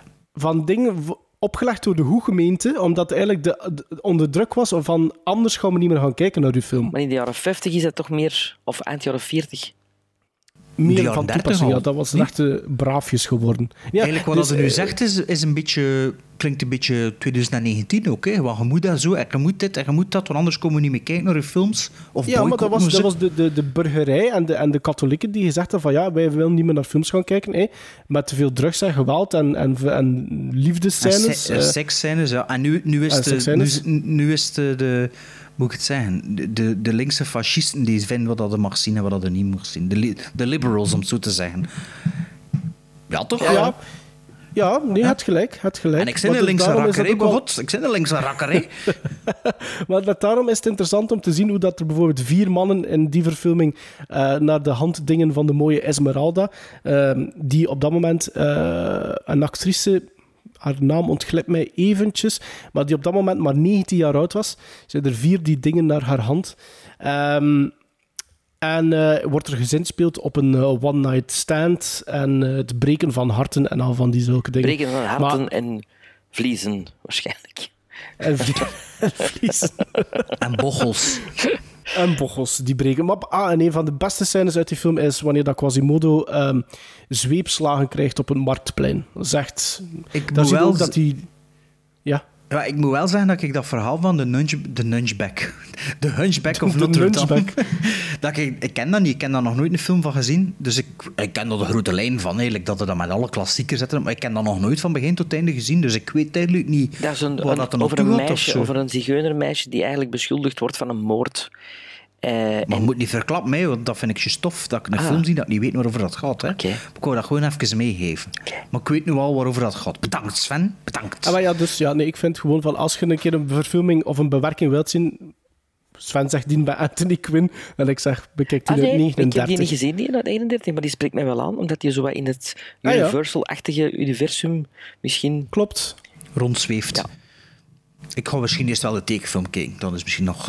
Die is niet zo goed, hè. Niet, is niet zoveel her, niet zoveel Nee, her. Die is Nee. niet goed. Nee? Nee, Nee? Oh, dan, het zat er wel een schone editie van bestaan, hè, van die met Charles Lawton. ik denk het wel. Eureka, Eureka of zo zal dat misschien wel uitgebracht hebben. Mijn letter Asje. Het is een film van 1992. Ehm, het is een film genaamd Lat Sao Santam. In, eh, zijn eigen taal. Maar de Engelse vertaling is met de letter H. De film gaat eigenlijk over een, ehm, een eh, stoere politieagent die met een undercover agent samen gaat werken om een eh, moorddadige maffiaclan te vernietigen. En het is een film met Jung Fat Chow, Tony Chihuahua en Teresa Mo. Het is de laatste Hongkong-film van John Woo, voordat hij Hard Target ging gaan doen, ook met de letter H. Dan heb ik het over Hard Boiled. Een film dat Sven zeker nog niet gezien heeft. Een film dat Maarten al gezien heeft. Nog nooit gezien. Nog nooit een film van John Woo gezien voordat hij in Amerika zat?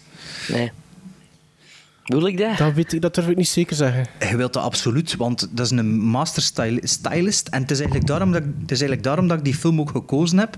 Omdat ik... ik wou een keer John Woo aanhalen en vooral dan zijn Hongkong-periode nog. Eh daarna is hij dus Hard Target gaan doen, dan Broken Arrow, dan Face Off en dan Mission ja, Impossible 2, 2, Wind Talkers. En De minste Mission Impossible, hè? Ja, maar eh, Hard Target vinden we wel goed, hè? Ja. Ah, wel. Maar dus, je hebt dus Hard Boiled. De andere Hongkong-films die ik van hem gezien heb, is eh, A Better Tomorrow, Bullet in the Head en The Killer. En The Killer en Hard Boiled worden wel zoals zijn beste aanzien. Maar ik moet nu wel zeggen, dat is allemaal met Jung Fat Chow. En die films zijn allemaal een Chow beetje... Yun Fat. Eh, ja, Jung Fat Chow Nee, heb ik hier Chow genoteerd. Ja, Fat. Dat is een naam. de Ridder Sven en Sven de Ridder is toch ook alle twee uw naam, hè? Nee, dat is niet waar. Je zegt toch nooit op je naam de Ridder Sven? Nee, je zegt Sven de Ridder. Yun Ik zeg nooit dat mijn naam de Ridder Sven is, dat klopt. Chow Yun Fat. Chow Yun Fat Ja, stond... ja, juist, is juist. Eh, maar dat is juist eigenlijk hoe Roy dat het Scheider en Chow Yun Fat. Ja, en Scheider Roy. Nee, dus die vier films zijn, zijn allemaal met hem. Dus dat is allemaal een beetje... Ja, dat is een beetje allemaal hetzelfde in mijn kop. Maar Hard Boiled, weet ik nog, samen met de Killers, waren wel de, mijn twee favorieten van die hoop. Ehm, maar sowieso voor de luisteraars, of voor de co-hosts, die nog geen John Woo films gezien hebben van, eh, van in Hongkong. Ja, dat, is wel, eh, dat zijn wel echt top, top eh, crime... Nee, noemt dat? eh, eh, actie... eh, actie, actie-crime films? Nee, hoe noemt dat nu weer zo'n soort films? Zeg het een keer. Zo van die maffia en, en veel actie. Toch zo'n term? Kung fu films. Nee, het is niet met kung fu, het is met blaffers. Ja, ac- actiecriminele, ac- action crime movies. Of zoiets. Ja, dat zal wel kloppen, ja, dat ja, zal dus wel dat is zo dat ze zeggen. In elk geval Hard Boiled en The Killers. The Killer, alle twee de moeite voor van de zomer een keer te bezien op een warme avond. Gewoon omdat dat... Ja, jongen, dat zijn echt top actiefilms. hè. Ja, dat was, eh, hardboiled op een warme avond.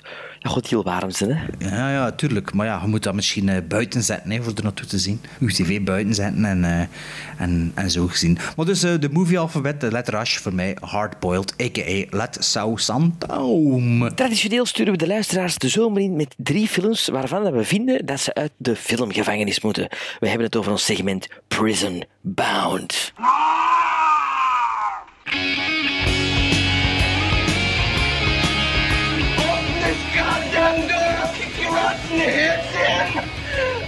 Mommy!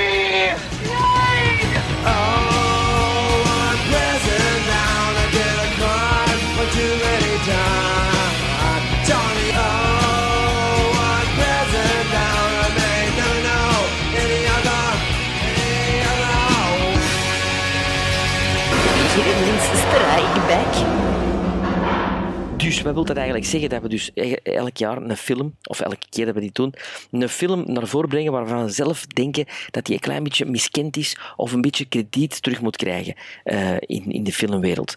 Bij mij zijn er zo al een paar films blijven zitten in het gevangen.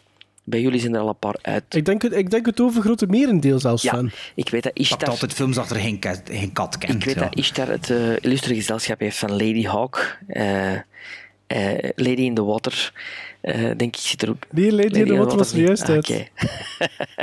maar ik ga het dit keer eens echt over een boeg gooien dat je denkt van... Ja, nou, hij gaat ervoor. Hij wil er een die uit het prison gaat. Ik ga het- wat gaan we zeggen? The Godfather 2. Ja, maar The Godfather 2, dat is een van de beste films ooit gemokt. Ah, wel, ja, daarom dat hij dat dan zegt, ja, die zit in het gevangen, ik wil die eruit. Omdat hij zeker wil dat hij eruit Nee, gaat. ik kan het over een film hebben die iedereen bij de minste Stallone-films rekent, maar waar ik eigenlijk heel zot van ben. En ik heb het over, over de top. Over de top. De film die de canon eh, business eh, naar de kloten heeft gedaan. Eh, film van Mehanem Golan uit 87 met Robert Loggia en Sylvester Stallone. Ik weet het, Bart. Het is een beetje voor de hand liggend, maar ik, vind, ik zou zo scheren een Stallone-film op de Instagram-stories zien. Kan er, toch, kan er toch nooit iets op als voor de hand liggend is? Omdat je zo mee mooie dozen van... Oh, dat. Nee, dat dat niet echt een film is die de gevangen moet. Jawel. Vind ik. Jawel, er zijn heel veel mensen die dat niet goed Nee, vinden. hè. omdat, omdat volgens, volgens u... Bart, zit hij voor u zelfs in het gevangen? Ja, denk het wel. Jawel, ja. jawel, zit ze? Ja. Ja. Om, omdat, omdat, in, omdat in een videokaft men nooit bedrogen net, hè. Ja, er Ja. stond op dat die zoon ontvoerd wordt. Die zoon wordt twee, twee straten verder gevoerd met een camion. Ja, dat, dat, is, dat is ontvoerd, hè. Ja, oké, maar ja, niet in filmtermen. Een hè. film over armworstelen, ik vind dat dat uit het gevangen moet, wat origineel kunnen zijn. Ja, heel, ja, we hebben het al een keer gezegd. Bijzonder filmisch Ja. gegeven wel, armworstelen. Ja. Dus dat moet eruit. Ja. Zeg, Goed. waarom zei je nu begonnen? Je moest je niet beginnen? Omdat ik een goesting in had. Eh, ik zal overpakken. Ik heb een film gekozen uit 1995. En de reden daarvoor... Dat was raar, ik was zo wel research aan het doen voor dit segment. Ehm na zo'n paar keer moet u beginnen dat wel op te zoeken op internet, wat dat er eventueel nog van die titels kunnen zijn van ah ja, daar had ik niet aan gedacht. Zit je nu En wel ik- aan het opzoeken? Ik moet, je- ja, nu ben ik wel beginnen opzoeken, echt waar. Oh, ja. Ik, kan, ik kan nog een paar man verder, zeg. En ik ben blij dat ik het gedaan heb, want er stond een film in een lijstje, maar ik dacht, allee, dat is ook in nooit aan gedacht hebben, dat die film daarin zou, in zou staan. En dan De dacht ik van, dat is 2, juist. Nee, nee. En dan dacht ik, dat is juist, ik heb die film op DVD. En dan dacht ik van, ja, misschien moet ik die film nog een keer opnieuw bekijken, om te weten van, ja, moet ik die dan kiezen? Of is dat echt zoiets van a given dat dat uitgevangen is? Maar die film krijgt op IMDb 5,1 en op Rotten Tomatoes krijgt hij slechts 23%. Het is een film van Frank Marshall. Een, verfilmd, een verfilming van een Michael Crichton verhaal. En de film in kwestie is Congo. Ja, die ik had zo lang niet meer gezien. Congo met Laura Linney en Tim Curry en Dylan Walsh in de hoofdrol. Muziek van Jerry Ja, maar ik, sta, ik, ik sta dan wel door elkaar met Outbreak. Ja. Ja. Mm, nee. Ik durfde Ik dat vroeger... nee, ik ja, durfde, ja, ik sta Ja. dan wel door elkaar in twee. Ik dat durfde de- Ik Anaconda. Is het echt? Nee, ik, ik nog met een andere film. Ik durfde dat te verwarren met die film met Anthony Hopkins. Nee, Instinct. Dat- Nee, nee, nee. Instinct. Nee, zeg ze. Nee, nee, nee, Bart. Nee. Nu, ehm, dus Congo gaat over... eh, dat begint met een, een soort van proloogsko, waar dat onder andere Bruce Campbell in meedoet. Van een expeditie naar een soort van diamant. En ehm, dat, dat, die expeditie is op poten gesteld door een hele rijke eh, communicatiebedrijf. Eh, maar plots wordt iedereen daar vermoord. En dan is er ehm, de ex-fiancé eigenlijk van die Bruce Campbell eh wilt naar daar trekken. En eh, die gast eh, smijt daar veel geld tegen. En dan is er een zijverhaal eigenlijk over ehm, Dylan Walsh, het personage van Dylan Walsh, die een gorilla heeft, Amy. Die hij heeft leren spreken door gebarentaal. Maar de technologie Ah ja, laat dat nu ook toe. Ja, ja, ja. Dat die aap effectief... Allee, dus een computerstem komt daaruit en dan is het alsof dat die aap spreekt. En het plan is om Amy terug naar het wild te brengen en dat is natuurlijk net ook daar. En ik vond dat zo raar. Ik zei, allee, Congo, dat staat in zo'n lijstje van zo'n slechte film. En ik moet eerlijk zeggen, ik heb die film opnieuw bekeken.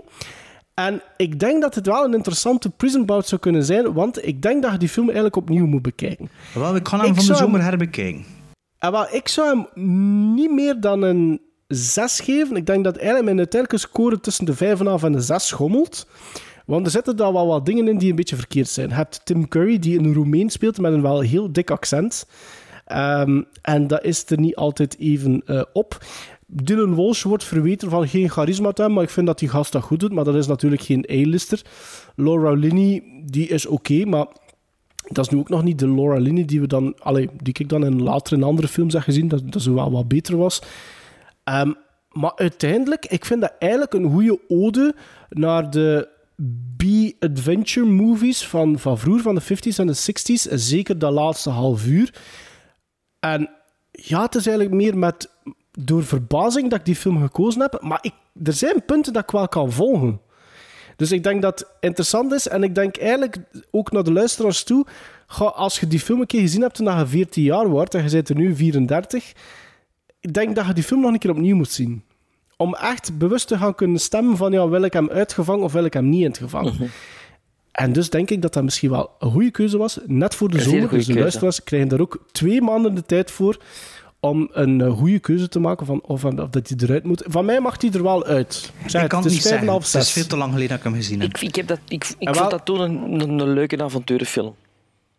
Ik, de- ik- dat is het gevoel dat nog bij mij nog altijd overblijft. En hele mooie ehm, eh, visual effects, eh, practical effects. Muziek van die- Jerry Goldsmith.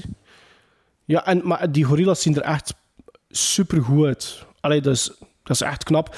Dus voor mij, uiteindelijk na 90 minuten, het was dus, een uur, ah, toch een uur 49, dit iets langer. Ehm, ik vind dat ook uiteindelijk een oké avonturenfilm gewoon. Dus van mij mag die er wel uit. Maar ik ben benieuwd wat dat jullie en de luisteraars gaan beslissen. Ja, mijn film zal de... Ah, kijk, dingen ze hier op tv. Vriendin is naar tv aan het kijken. Eh, noemt die Mark eh, van NCSI? In, NCSI eh? NCIS, Mark Harmon. Mark Harmon is op tv. Hey, Mark. Hij, hij, hij wordt gemarseerd door een blonde vrouw. ah, er wordt van neergeknikt dat dat niet Mark Harmon is. Wie is dat? Het is niet die van NCIS, maar je trekt er al sinds op. In elk geval. Eh, wat was ik aan het zeggen? Wat moest ik zeggen? Ah ja, mijn film zal de nodige controverse teweeg brengen. Misschien zelfs hier tussen ons gedrieën. Ehm, maar ik vind dat dat een film is die lang zo slecht niet is als alles en iedereen beweert. Eh, ondanks de vele dingen die tegen, tegen, zich, eh, die tegen zich hebben, wat ik ook herken. Maar als je die film bekijkt, is het ook een ideale film voor in de zomer, als je zo aan het zweten zit, like nu, in de zetel te zitten en te bekijken. Ja, maar van u valt het niet op, van u valt het niet op. Het is een film van 2013, die ik gecheckt heb door Quentin Tarantino. Die zei, hey Bart, moet dat even zien. Nee, het was een film die op het einde van het jaar eh, in, in de Quentin Tarantino zijn top 10 van het jaar verscheen. En dat, was zo, dat stond zelfs zo in, in alle dwaze websites van, ja, Tarantino zegt dit, zegt dat. En eh, toen dacht ik van, oh, misschien moet ik die eigenlijk ook wel een keer zien, Quentin. Ehm toeval wil dat ik twee jaar later of drie jaar later, maar ik had hem wel al gezien ondertussen, heb ik die film ook cadeau gekregen van Sven omdat hij hem zo slecht vond dat hij hem niet meer moest hebben. Of een upgrade gedaan heeft naar Blu-ray. Dat weet ik niet meer precies wat dat de reden was. Ehm, het is een film van twee uur en een half. Ik geef het toe, het duurt te lang. Van Gore Verbinski. Dat we kennen van de Pirates-films. Ja. En deze film is ook met de, een pirate, namelijk eh, Johnny Depp. Maar in plaats van eh, dreadlocks en kralen in zijn haar, heeft hij een vogel op zijn kop. En Armie, Hammer speelt de, Armie Hammer speelt de hoofdrol. En eh, Helena Bonham Carter natuurlijk. Als er een eh, Johnny Depp met een gekke hoed is, moest ze er ook bij zijn natuurlijk. Eh, speelt er ook in mee. En ken het dan over The Lone Ranger. The Legend of the... Oh, nee, het is de Lone Ranger gewoon, ja. ja. De Lone Ranger, ja. De zoveelste reboot of incarnatie van, de, ja, van het figuur dat een beetje like een soort Zorro-personage is. Hè. Allee, dat is zo, ik weet niet, is dat van de literatuur of van de serials of van waar komt dat juist? Dat gaat wel al- Serials, denk ik. Dat gaat wel Serial, al hè? back to the 30s of zoiets. Hè. Dus dat is wel allee, Ja, een, en dat is met figuur. Dat is dat van. Lone Rangers? Nee, dat is er voor Ah. gebruikt geweest. Dat is van Willem Ah, ja, Tell ja, ja. overtuur. Maar dat was in de serials het, het thema van de Lone Ranger. Ah, dat wist ik niet, dat wist ik niet. Maar ik vind die 2013 film, het duurt te lang, Johnny Depp is dan nozel erin. Maar ik, ik vind wel dat het de fun heeft van zo'n goede Pirates film. En dat is ook wel zo'n een zomerse blockbuster, dat er niet te veel bij moet nadenken. Ik geef het toe, het duurt wel wat te lang, maar er zit toch wel wat potentieel in. Er zitten veel referenties in. Alles, alles van Gore Verbinski duurt te lang. Ja, misschien wel, ja. Maar de, de, er nee, de tweede Pirates vind ik oké. Vind ik beter Ehm, dan de eerste. Ja, de eerste vond ik niet zo goed. Ik vond de Ik tweede vond echt... niet zo goed, de eerste. Nou, vond ik ook wel goed, maar de tweede vond ik echt Is van... dat de Black, Black Dead Man's Chest? Is dat de tweede? Eh, Of de Black... De Black... Pearl is de eerste. Ah, dat is de eerste, Dat is ja. de eerste. Dead Man's Chest is volgens mij de derde.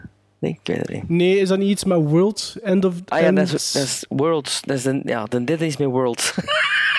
Ja, iets, In elk zoiets, geval, de tweede ja. vind ik de beste van die Pirates. Ik ook. Maar die, die Lone Ranger zit er zo wat achtervolging in.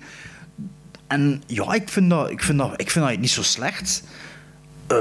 Ik vind dat wel... Nee, ik vind dat een goede keuze, want die heeft Het is een problematische film, hè? Ik had een update. Die heeft heel veel kritiek gekregen, hè? Had hem geupgrade, Sven? Ja. Ah, ik dacht dat hem, dat hem zo slecht vond dat hij Nee, niet meer moest nee, stemmen. nee, ik heb een upgrade op Ah, oké. Ik dacht, dacht eigenlijk dat hem gewoon zei van, pff, moet dat niet meer in die film. Nee, nee. Eh, maar de, de- ik vind wel dat het een goede keuze is voor dit segment. Zeker. Zeker om, om de zomer te overbruggen. Als je, eh, als je als luisteraar wil meestemmen en hem nog niet gezien hebt, ja, check dat een keer, zou ik zo zeggen. Eh, hey, er Ik heb ook hem van nog niet gezien en ik zal dat zeker doen. Ah, voilà. En Sven, in of uitgevangen? In, eh, uit, sorry, uit. uit. Want dat is zo, de dieren, ik is er nog zo een in die stijl. Wild Wild West vind ik ook zo een die er onterecht in zit en zo dezelfde stijl van film is. Ja, dat is ook wel... Kun je die twee zo- vergelijken? Nee, eigenlijk niet. Dat is, alleen Wild Wild West is zo steampunk. Eh, nee, dat, je kunt die vergelijken met alle twee dezelfde soort... ehm, Een, een avonturenfilm ja, maar nee, dezelfde soort kritiek gekregen. Ah, ja, ja, Ah, zo. ja. Ja. Dat was ook wel een box office, echte box office failure, hè? The Lone Ranger. Ja. The Long Rangers, ja, ja, ja zeker, zeker. Maar daarna had hij dingen gedaan, hè. Cure for Wellness. Die Ja, film dat een super keer eh, was. afgebroken had. Die Ja, ook te lang absoluut. duurde, volgens mij. Ja, oh ja, veel Ja. te lang. Maar dus eh, in, de, in de loop van de zomer, we zullen dat wel aankomen op sociale media, waarschijnlijk ergens eh, tegen eind augustus, doen we wel de stemming op de Instagram-stories van Over the Top. maar wat was uw film weer? The Hunchback of Rotterdam? Nee, dat was niet. Dat. Welke film? Ah, voor Prisonbaan Congo. Congo. Congo, Congo en de, van mij The Lone Ranger. Dacht ik zo.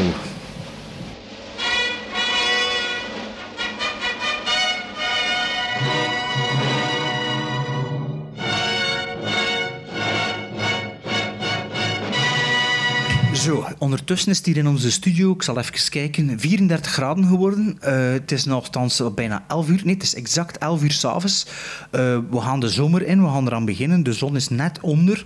Eh, het is nog altijd snikheet, maar kijk, het gaat er niet op beter in de komende weken. Dat schijnt dus eh, veel meer dan binnen zitten en op films kijken kun je niet doen. Hè. Als je een plasma-tv hebt, like ik, dat geeft veel warmte. Dus ik hoop dat je een OLED hebt, of toch een LED op zijn minst. Maar kijk, ik zit hier met een plasma schoon beeld, maar heel veel warmte. Maar kijk, ja, we zullen het ermee moeten doen. Want deze zomer gaan we kijken naar Congo, naar The Lone Ranger. Over de top, als je dat zou willen. The Hunchback of Notre Dame. Eh, wat gingen we nog bekijken? Doctor Strangelove. Boba Hotep. Uh, one, um, nee, uh, for, a, A fistful. for a fistful of, do- a fistful of dollars. Uh, maar heel nog The. Invisible Man. The Invisible Man. Revolution. Revolution en Betrayed. Die gaan we allemaal bekijken van de zomer. Wat dat we nog gaan doen van de zomer zijn drie summer specials die we elk individueel doen. Waarvoor dan Maarten op zijn blote knie sma- smeekt van stuur mij vragen of ik heb geen idee wat ik ga doen in de zomer met mijn special. En dan zit ik hier ook maar allemaal in een bureau. Ehm, we gaan t-shirts proberen te maken nog. Hè? We gaan nog proberen t-shirts te maken. Nieuwe luisteraars, check al onze backcatalog op Soundcloud. En ik denk eigenlijk overal dat we gestreamd worden, dat we terug kunnen gaan tot aflevering 1. Oude luisteraars herbeluisteren al onze favoriete, al, al- al jullie favoriete afleveringen. En eh, normaal gezien zijn we terug in september voor de traditionele maand Sventember. En ehm, daar gaat Sven zoveel mogelijk proberen voor het zeggen hebben. Ook al hebben we het al een beetje gekapt. Maar ja, je moet maar niet verjaren in juli. En ook niet reclameren van, ja, maar ja, ik word altijd vergeten, ik word altijd vergeten. Sven, je weet dat, we vergeten nu niet. Nee, nee. Had ook nog de Scouts Forever van Ja, zien, als je van wilt. 5 juli tot en met 24 augustus heel de zomer lang kunnen komen lachen in Theater Elkerlik. Met Erko. Met Erko. En ook zo'n goede crème van, eh van ijsboerken, maar met, eh met dinges, met eh Jules de Stroperkoeken. Supergoed. Dat is heel lekker. Now, was that civilized? No, clearly not. Fun, but in no sense civilized.